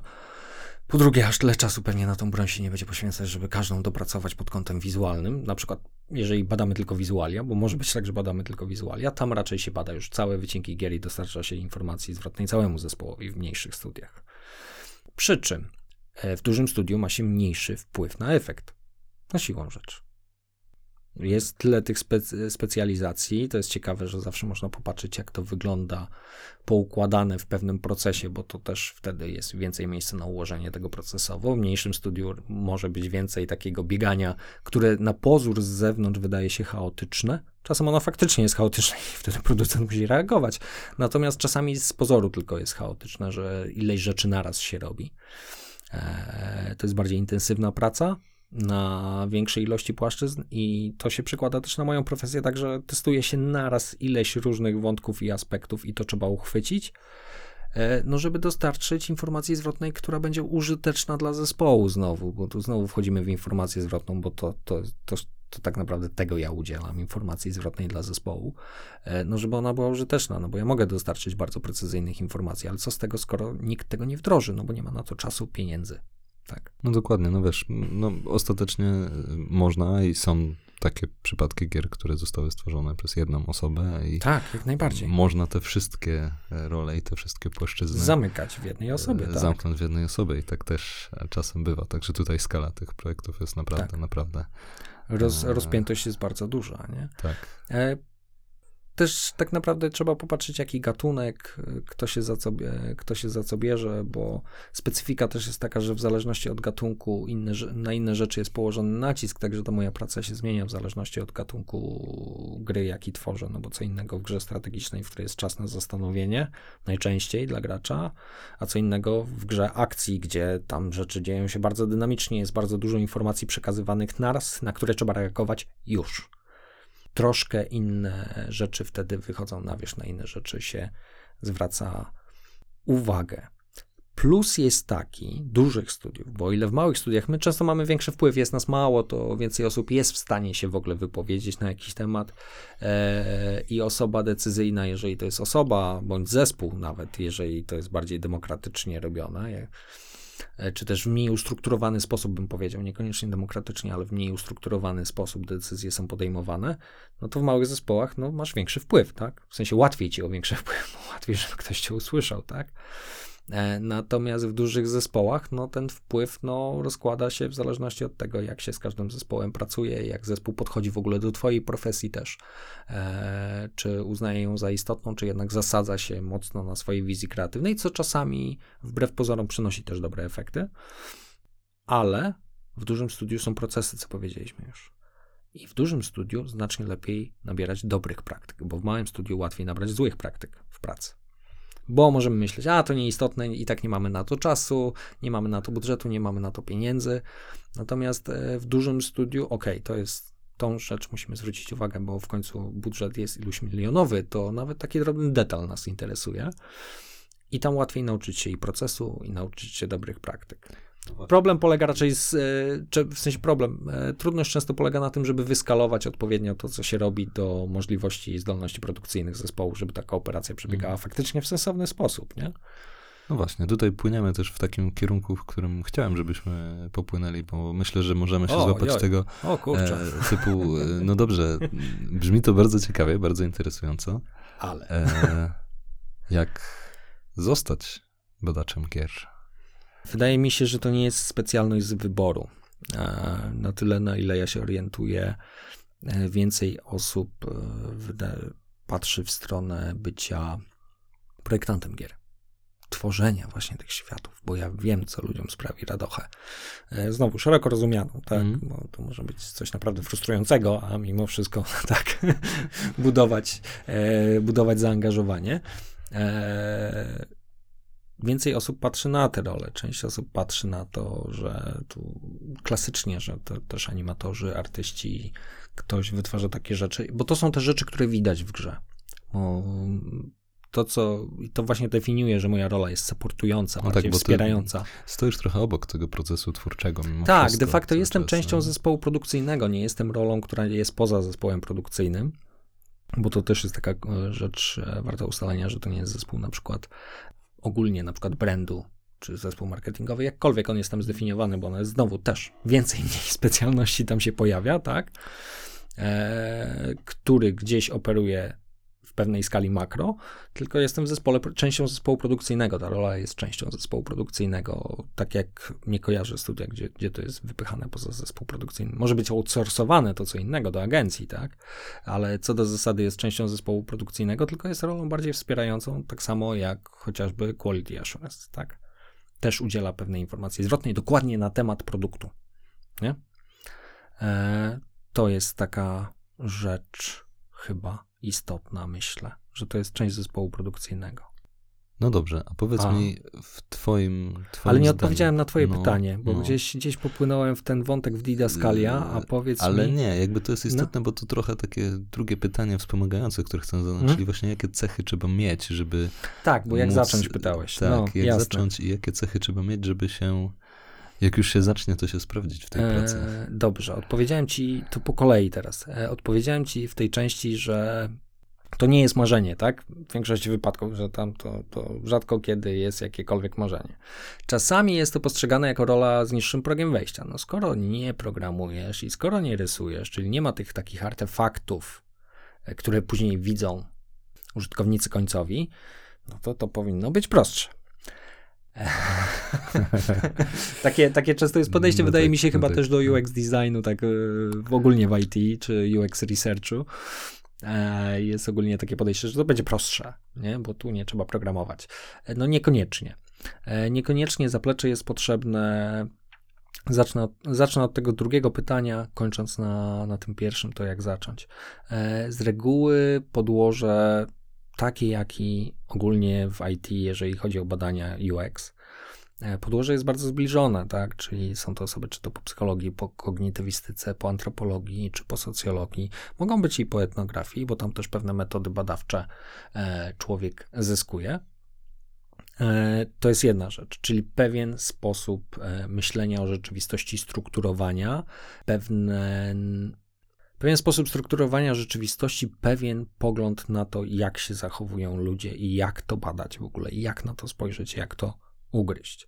To jest taki ta podwalina edukacyjna, która jest istotna. Oczywiście można patrzeć na to tak, że można to dorobić, tak, bo to nie jest tak, że to sami, same osoby z tym wykształceniem pracują. Natomiast e, dominująca liczba osób, które są badaczami użytkowników gier według e, takiej corocznej ankiety, którą to środowisko przeprowadza, bo to jest paradoksalnie, globalnie jest to dość zborne środowisko, e, no to głównie to są osoby po psychologii, czasami po jakichś neuronaukach. E, Później pojawia się socjologia, kognitywistyka, e, czasami interakcja człowiek-komputer, czyli osoby stricte po informatyce Mhm. też się pojawiają. To jest taki background, który jest dosyć istotny. Jak zacząć? Problem główny, jaki ja kojarzę taki ze społeczności osób, które próbują się dostać do tego, a gdy odpowiadamy już jako osoby pracujące w branży ileś lat, jest duży próg wejścia do gier. Czyli jak dostać się w ogóle do tej branży. Tak. Jak dostać, jak dostać się do tej branży na stanowisko badacza? Jeszcze trudniej czasami, żeby było śmieszniej, tych stanowisk jest mniej. W Polsce jest to rzecz trudna do osiągnięcia, bo teraz od jakiegoś czasu dopiero się pojawiają takie konkretne oferty na badaczy. Mało, mało jest aktywnych osób, tak stricte rezydujących w polskich studiach, chociaż są, pojawiają się od jakiegoś czasu. E, część, część osób nawet dosyć aktywnie, że tak powiem. Częst, y, ja zobaczyłem często, to są osoby, które już funkcjonowały na jakimś stanowisku, e, czy to QA, czy producenckim, które przeszły Mhm. na, na, to, na tę stronę, czasami właśnie bez tego backgroundu edukacyjnego, chociaż on pomaga. To jest pierwsza rzecz, która jest gdzieś trudna. E, druga rzecz, w, e, łatwiej się dostać, gdy się pracowało w samym IT. bo ma się już to zaplecze, że ktoś testował chociaż oprogramowanie już, nie? czyli prowadził, nie wiem, testy użyteczności. Przy grach to wygląda inaczej, troszkę na inne rzeczy patrzymy. Czasami gry mają na przykład baz, bardzo niskie oceny, jeżeli chodzi o użyteczność, taką klasyczną, natomiast sama gra ma bardzo wysoką ocenę, dobrze się sprzedaje, gracze są zadowoleni, także e, takie oceny gier z perspektywy oprogramowania użytkowego są nietrafione w większości wypadków, bo pomijają te aspekty, które są w grach istotne, Mm. nie? tylko skupiają się na tym, co jest ważne w oprogramowaniu, a w końcu oprogramowania użytkowego nie tworzymy, tylko bardziej rozrywkowe, jeśli już chcemy mówić o oprogramowaniu. E, Jak się dostać? Trzeba się zainteresować tymi rzeczami, które się dzieją w okolicy. Prościej jest pójść na Game Jam, czyli na takie zespołowe tworzenie gier, gdzie tego progu nie ma, trzeba zgłosić zespół, skompletować. Jeżeli nie da rady od razu uczestniczyć, to warto się e, przejść, chociaż zobaczyć, jak to funkcjonuje, jak ludzie wytwarzają gry, bo to jest taki proces wytwarzania gry w pigułce. E, Niekoniecznie jest to proces czysty, ładny i poukładany, ale widać chociażby, co tam się dzieje, co jest istotne, co jest potrzebne. E, Jak zacząć? Prowadząc własne analizy. Próbować przeczytać właśnie, jak się prowadzi audyt użyteczności, czy analizę ekspercką użyteczności, jak ktoś woli. E, Jak prowadzić test użyteczności, samemu spróbować sobie przeprowadzić audyt, czyli zagrać w grę w świadomy sposób, analizując jej różne komponenty. To pozwala budować warsztat, to pozwala się później, nie wiem, dzielić. Można wysłać do studia jakąś taką próbę, chociaż rzadko które studio odpowie, tak? To jest y, jedna rzecz. Można poszukać mentora, mentoringu. Tak, mentoringu, bo właśnie to jest taka kolejna rzecz, która, która byłaby do, do podrzucenia. Jest GRUX tak zwany, to jest właśnie organizacja GRUX SIG, e, to jest International Game Developers Association. E, to jest jedna z tych organizacji jakby szczegółowego przeznaczenia, tak, czy stowarzyszeń szczegółowego przeznaczenia, czyli GRUX, e, Game Research and UX, taka nazwa. Wcześniej to się nazywało po prostu GUR, czyli Game User Research. E, nazw, nazwa została zmieniona parę lat temu. Tam, e, że tak powiem, bardzo dyskusyjne to było w samym środowisku ta zmiana nazwy, ale abstrahując od tego, tam jest program mentoringu e, kwartalny. Są badaczki, badacze, osoby, które pracują w studiach od AAA po studia mniejsze. Chociaż więcej jest osób, które pracują w tych dużych studiach, no bo jest problem ogólnie, że jest ten problem taki klasyczny w IT, wydaje mi się, że jest duży popyt, ale z drugiej strony nie ma podaży, ale jest dużo osób, które by chciały się dostać, tylko już jest to wymaganie, a mniej Mhm. 5 lat doświadczenia, że studia raczej chcą rekrutować osoby na tych stanowisk, na stanowiska seniorskie, rozumiane jako, tutaj bardzo to skracając, bo kto kto jest seniorem, a kto nie jest i tak dalej, można w tę dyskusję iść. Natomiast osoby, które mają 5 i więcej lat doświadczenia przy tworzeniu samych gier. I to jest problem, no bo studia chcą raczej rekrutować osoby, które od razu zaczną pracować, e, wejdą w proces, będą wiedziały, tylko te niektóre niuanse trzeba będzie doszlifować. Natomiast no, chcą kogoś, kto już będzie od razu pracował, a nie chcą kogoś na przeszkolenie. Przynajmniej te studia, które zaczynają dopiero to robić. Nie? No, myślę, że to jest uniwersalne, że najtrudniej Tak. wskoczyć i później już te możliwości się zupełnie inaczej kształtują. Mm. Najpierw e, kursów jako taki, w sensie kursy są, przy czym kursy są, czy certyfikacje, czy kursy są, ale bardziej szczegółowe. Nie wiem, chociażby z dostępności w grach, ale to nie jest droga na start. Mm. Raczej, raczej albo, albo załapać się w mainstreamie, próbować przeskoczyć. Natomiast tak podstawowo, no to jest na pewno zaplecze edukacyjne. Kolejna rzecz, e, poczytać książek trochę z tego zakresu. Też zobaczyć w ogóle na co patrzeć, bo można pomyśleć, a fajna gra to ma to, a tu brakuje tego i byłoby fajnie, gdyby dodali taki element albo zmienili.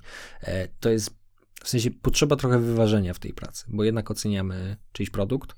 E, te oceny są trudniejsze niż w mainstreamie, bo przy oprogramowaniu użytkowym aż tyle osób nie jest zżytek z produktem.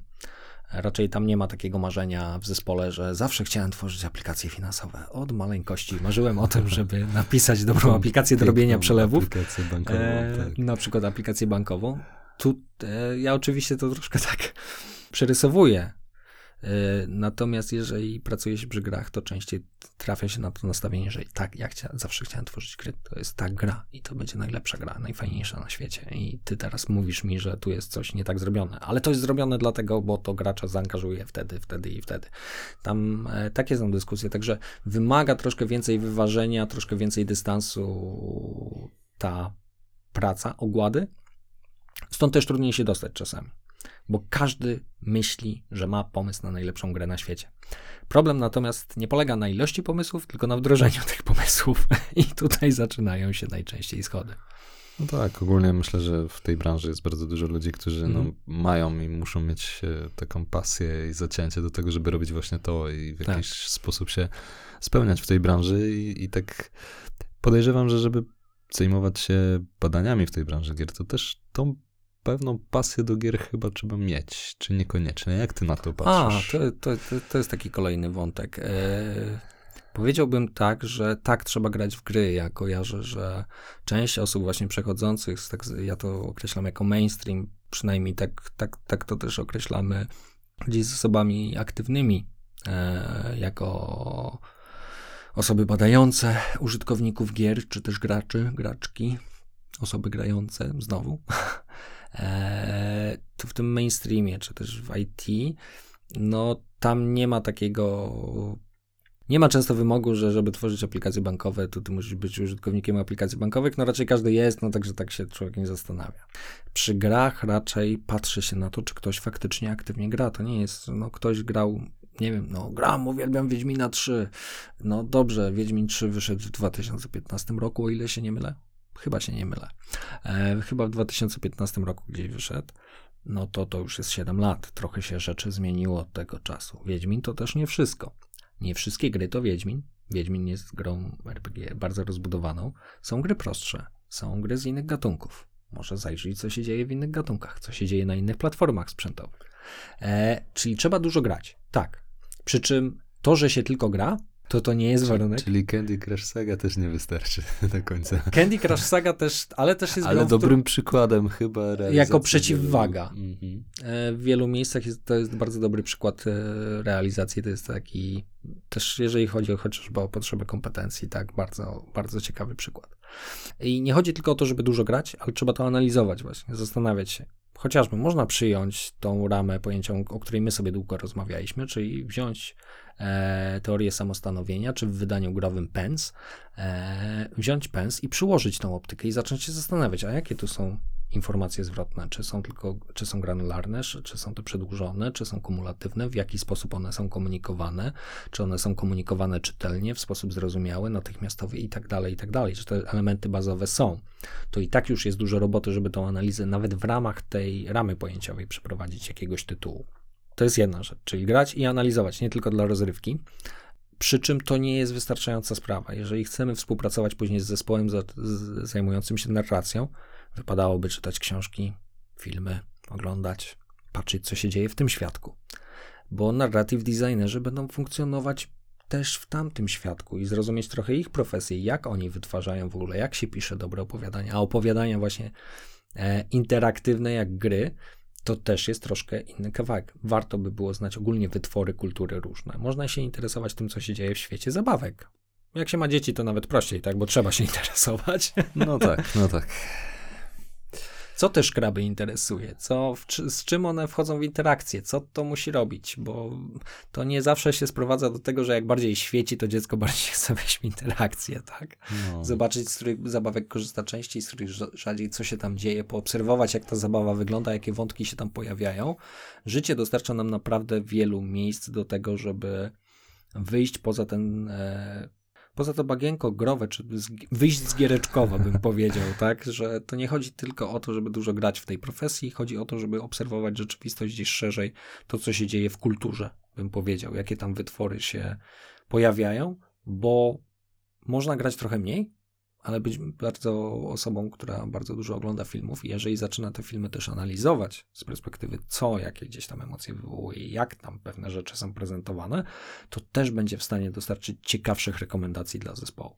Czyli dochodzimy też do takiej chyba esencji pracy kreatywnej, to znaczy tego, że tak. trzeba czerpać z bardzo wielu e, źródeł, bardzo wielu kierunków. e, Nieoczywistych czasami. Tak, wychodzi, czasami nie? nieoczywistych, bo wtedy możemy stworzyć po prostu e, coś lepszego, ale też robić to właśnie na takim jak najwyższym poziomie świadomości, Mhm. tak? I trochę inaczej wtedy patrzeć na te treści niż No tak, z punktu tak, widzenia tak, te- tak, tak. takiej zwykłej konsumpcji, tak? Tak. Dla, dla rozrywki. No bo dążymy do tego, żeby nie powielać pewnych rozwiązań. Przy czym, a i tutaj taka może smutna wiadomość dla części osób, no jako że e, rola taką, jaką ja wykonuję, czyli badacza użytkowników gier, to jest najczęstsza rola, w jakiej ja występuję, e, no sprowadza się do tego, że moim zadaniem jest też zwiększenie wydajności produkcji. Czyli jeżeli patrzę na jakieś elementy chociażby, to mnie nie interesuje, żeby wszystko było jak najbardziej kreatywne. Na przykład można stwierdzić, że tego w produkcie nie zrobimy lepiej niż konkurencja. Dlatego no, raczej zalecałoby się, żeby pójść w standardowe rozwiązanie. W takich tytułach to rozwiązanie zastosowano. Warto by zrobić to samo u nas i skupić się na tej mocy kreatywnej, na przykład w tym aspekcie, bo tu są największe szanse żeby ten produkt jakoś odstawał od konkurencji. Bo to jest jednak bardziej racjonalne, mniej, mniej kreatywne, bardziej yy, mniej kreatywne wydaje mi się spojrzenie w tym sensie, że patrzy się na komponenty, na przykład, że te komponenty możemy zrobić w sposób standardowy. Nie szukajmy kreatywności wszędzie. To też jest taki głos rozsądku czasami w zespole. Tak, a wyróżnić się tylko na jakiejś, na jakiejś płaszczyźnie, Tak. no bo ta konkurencja, myślę, że o tym jeszcze chwilę sobie porozmawiamy, ale ta konkurencja na rynku growym no jest też bardzo, Ogromna. bardzo, bardzo ogromna. Ogromna. No, Ogromna. No. E, no dobrze, to może o tej konkurencji jeszcze za chwilę, bo to też cię chciałem już Mhm. na sam koniec zapytać, ale to jeszcze, jeszcze takie No. co do samej profesji jedno pytanie. E, A czy to się, bo no jest to bardzo ciekawe, tak? Musisz Mhm. łączyć wiele wątków. Myślę, że to jest taka praca, która stawia wyzwania, która jest interesująca. A ludzi nie można się bać, to jest chyba jeszcze jedna no rzecz. tak. Bo, tu, tu, bo w tej pracy bardzo dużo rozmawia się z ludźmi i to rozmawia się raz, że z zespołami. Paradoksalnie y, to, co w sensie warto znać i matematykę, statystykę, w, w sensie w tym, zwłaszcza tą część związaną ze statystyką, jeżeli chodzi o matmę, ale też język polski Mhm. czy angielski. Chociaż no, w naszym wydaniu tutaj lokalnym to polski i potem angielski, bo trzeba jasno formułować myśli dosyć precyzyjnie, bo możemy coś zakomunikować, na przykład myśl naszą w nieprecyzyjny sposób, zespół to odbierze inaczej i może być draka. W sensie długa dyskusja niepotrzebna, na przykład przepalanie czasu zespołu, albo zakomunikujemy coś precy- nieprecyzyjnie i zespół zrozumie to na opak. I ma do tego prawo. Także paradoksalnie język polski jest bardzo istotnym wątkiem tutaj w tej pracy, żeby się jasno i czytelnie komunikować, a z drugiej strony no, komunikujemy się z ludźmi z zewnątrz. E, Jest pewna wrażliwość też potrzebna, żeby z ludźmi rozmawiać. To są często sytuacje, e, gdzie ludzie się frustrują przy interakcji z produktem i my musimy umieć akceptować jej ciszę, to jest z jednej strony, jako osoby, które właśnie no, prowadzą te badania, trzeba akceptować ciszę, że ludzie czasami potrzebują się zastanowić i że jak oni nie mówią, to nie znaczy, że produkt jest do bani, bo zawsze jest tendencja, ojej, nic nie mówi, to trzeba zagadać, nie? No, czekamy spokojnie. I kolejne, akceptować ich frustrację też, czyli to, że oni w interakcji z produktem e, się frustrują, są źli, wkurzeni. No i my na to na przykład nie reagujemy wtedy od razu ich uspokajając, bo ktoś się frustruje, tylko patrzymy w związku z czym oni się frustrują, dlaczego oni się frustrują, żeby to w tym produkcie naprawić. Czyli tam e, też trzeba się czuć komfortowo raz z negatywnymi emocjami różnych osób, dwa ogólnie z obcymi osobami trzeba się czuć komfortowo, bo jeżeli się nie będziemy czuć komfortowo, to te osoby, które przychodzą chociażby na playtesty, no też mogą się czuć dziwnie, że to jest jakaś taka niezbyt ciekawa społecznie dla nich sytuacja, także musimy sprawić, żeby ktoś czuł się na przykład e, dobrze przywitanym gościem no, w naszym studiu. Nie? No tak. To, to jest taka rzecz. Mnóstwo, mnóstwo tych elementów, naprawdę, składa się. Ale dalej nic nie wytwarzamy poza raportami, tak? No dobrze, to powiedz jeszcze, żeby była też jasność dla wszystkich, którzy Tak. ewentualnie chcieliby pójść w tym kierunku. Opłaca się? Już tak patrząc od tej strony finansowej, czy może jednak lepiej W sensie e, zostać za- w aplikacjach bankowych? E, Jak ktoś a, patrzy na ty- finanse. Ty, ty, ty gryziesz to od, tego, od tej strony, bo finansowo to zakładam, że pewnie tak, patrząc na, e, na to, jak to wygląda w innych zawodach, które wymagają też podobnego nakładu pracy, żeby się do nich przygotować, tak? E, Jeżeli chodzi o porównanie takie, które łatwiej wykonać, czyli to względne, co w mainstreamowym IT, a co w grach, no to w grach co do zasady zarabia się mniej. ponoć, patrzę przynajmniej po rynku polskim, pojawiają się te sugestie, że jeżeli chodzi o chociażby o wynagrodzenia programistów, że to się wyrównuje między IT a grami, no Mhm. bo popyt jest bardzo duży, podaż nie nadąża, a znowu szuka się znowu doświadczonych osób. E, No problemy z tym wejściem są wszędzie podobne, wydaje mi się, że tutaj ten, że tak powiem, ta profesja nie odstaje w żaden sposób. Ale jeżeli chodzi też o porównanie, ale jeżeli chodzi o porównanie mainstreamowego UX a growego UX, to ta dysproporcja dalej jest. E, To dysproporcja jest i w Polsce, za granicą jest tak samo, przy czym za granicą to się monitoruje chociaż. Mhm. U nas, u nas ciężko to monitorować, bo mało osób, no, w sensie jest ileś osób, które bada gry w ogóle, czyli jest badaczy gier dużo, natomiast badaczy użytkowników gier, czyli osób, które pracują właśnie typowo przy produkcie, nie jest zbyt dużo Mhm. e, w Polsce i ciężko mówić, żeby tutaj złapać, jaka, jaka u nas jest dyspropor- dysproporcja. Na zachodzie to, na zachodzie w Anglii, Francji, Niemczech to jest około 20% mniej się zarabia w skali rocznej niż w mainstreamie, czyli na przykład pracując przy aplikacjach użytkowych. No, e, różnica jest taka, że no, na zachętę to jest to, co chyba ty powiedziałeś, że no, jest trochę pracy przy pasji, przy produkcie, którym e, może więcej osób żywiej interesować, w sensie tych, które przy nim pracują, tak? Z założenia. To oczywiście nie ujmuje Tak, nic aplikacjom znaczy- użytkowym, bo po prostu Tak. taka jest specyfika pracy. Znaczy nie? wiesz, no myślę, że też do tego można podnieść od innej strony, tak? Jeżeli dużo takiej, już patrząc ekonomicznie, Mhm. jeżeli dużo ludzi ma pasję do robienia jakiejś rzeczy, to oni nawet mimo tego niższego wynagrodzenia Tak, będą tak, tak, chcieli to robić mimo Tak, wszystko, tak. więc to znajdzie odzwierciedlenie później w tych Tak. warunkach rynkowych. nie? Tak, no pas, e, wydaje mi się, że pasja w tym wypadku to tak e, no ma dwie strony, nie? No w, tak, tym, w tym tak. wypadku, że z jednej strony o, fajnie pracować tu w branży kreatywnej, tu tworzymy takie historie, a z drugiej o, No tak. w związku z tym, że możesz tworzyć kreatywne historie, No tak. no, coś... twój portfel jest troszkę szczuplejszy No. niż e, twoich odpowiedników w innej branży, tak? Coś za coś, coś za coś. Coś Dokładnie. za coś, no. Em, jeszcze jedna taka rzecz, która, która tak na koniec właśnie chciałem Mhm. ciebie zapytać, bo, bo weszliśmy w jakiś sposób na ten temat ilości gier, konkurencji na tym rynku. Mhm. E, I ja już tak patrząc zewnętrznie, trochę z innej perspektywy, tak się zastanawiam, bo e, wiesz, no ogólnie mówi się, że mm, ta branża jest dobra w tym kontekście, że jeżeli mamy produkt, który jest cyfrowy, który możemy sprzedawać na całym świecie, to Mhm. jeżeli stworzymy coś dobrego, no to te możliwości są Mhm. nieograniczone, tak? Jakby mm, możemy sprzedawać na cały świat, mamy Mhm. ogromną tą liczbę użytkowników z grupy docelowej, ale to też ma swoją drugą stronę, to znaczy konkurencja na tym rynku jest ogromna, tak? Bo nie konkurujemy tylko tu z drugim lokalnym studio spod Mhm. Poznania, tylko konkurujemy z, z twórcami gier z całego świata. Tak? Więc, No tak. więc to jest naprawdę duża konkurencja, więc paradoks też często polega na tym, że bardzo trudno się przebić z tymi produktami i dotrzeć. tak. E, To są takie trochę fakty, ale bardziej zastanawiam się też, jak to od strony takiej branżowej jest postrzegane i ewentualnie już jakby też jak ty o tym myślisz, czy,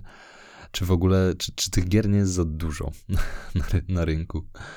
W sensie, wiesz co, ja, ja ugryzę taki wątek, e, że czy to nie jest troszkę tak jak z większością branż, jak było, że, że dojdzie do pewnej konsolidacji, to pewne sygnały tego widać, że zaczynają się łączyć studia, zaczynają coraz większe studia się robić, również w Polsce, tak, zaczynają rosnąć, wchłaniać pomniejszych graczy, tworzyć jakieś grupy studiów na przykład, bo to też jest jeden z takich modeli, że niekoniecznie jest jedna globalna marka, która ma ileś studiów, które nie wiem, czy ze sobą bardziej lub mniej współpracują, e, czy tworzą osobne produkty, czy jakkolwiek to tam dalej jest organizowane, ale są też takie, zaczynają się tworzyć takie marki zrzeszające mniejsze studia, że to jest taka jakby grupa kapitałowa jedna.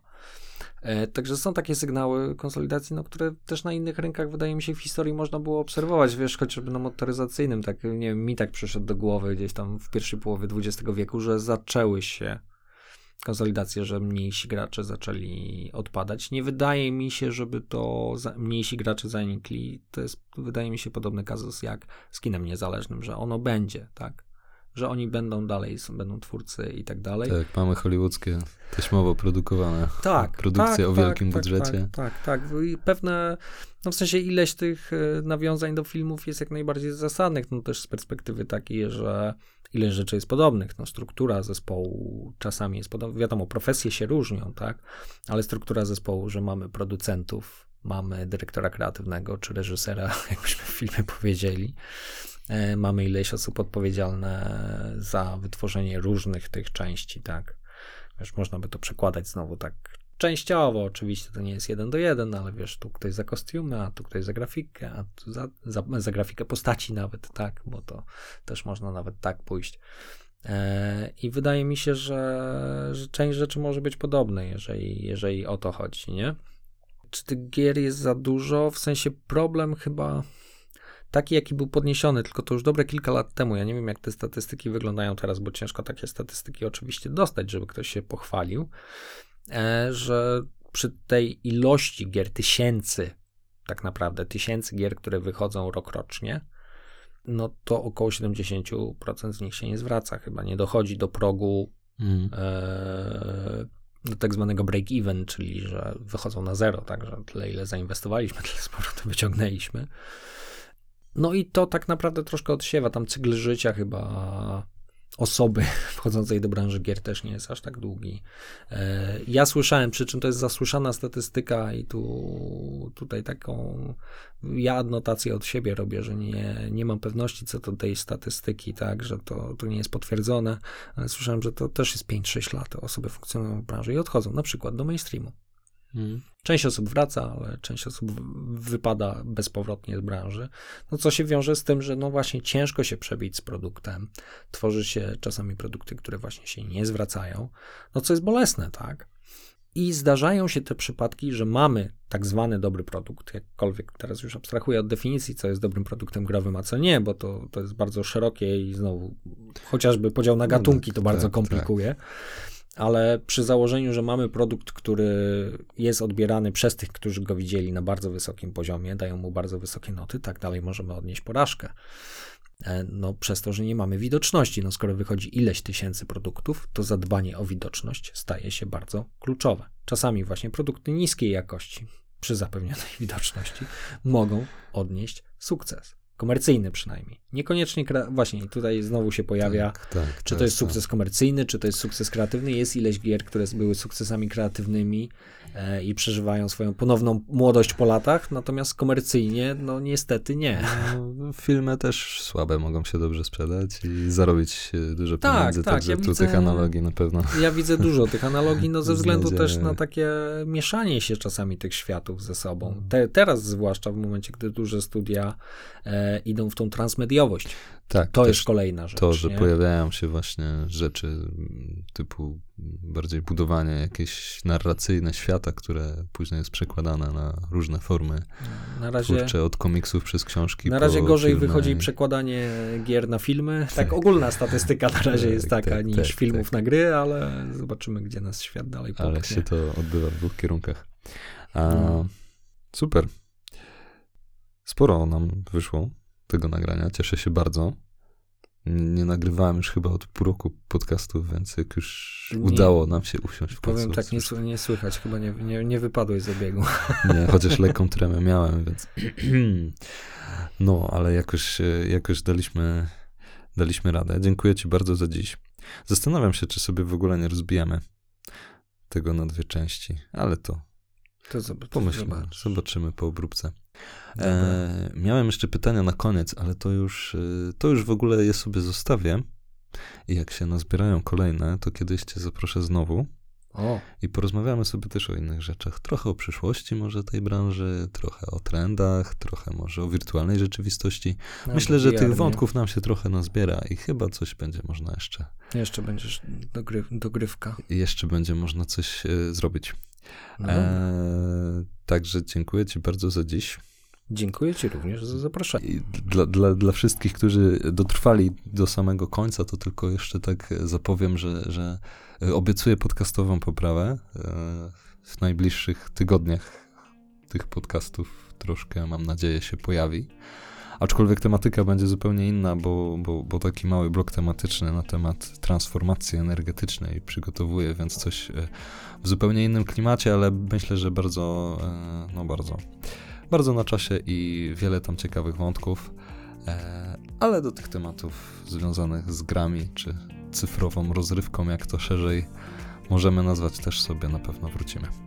Dzięki. Dzisiaj Dzięki również. był Michał Mycka. Do usłyszenia. I to już wszystko w dzisiejszym materiale. Jeśli nie chcesz przegapić kolejnych odcinków, to zasubskrybuj proszę Ideę Warty Poznania na swojej ulubionej platformie podcastowej. Zapraszam Cię także na stronę ideewartepoznania.pl, gdzie znajdziesz wszystkie opublikowane do tej pory odcinki, a także więcej informacji na temat podcastu. Dzięki za dziś i do usłyszenia.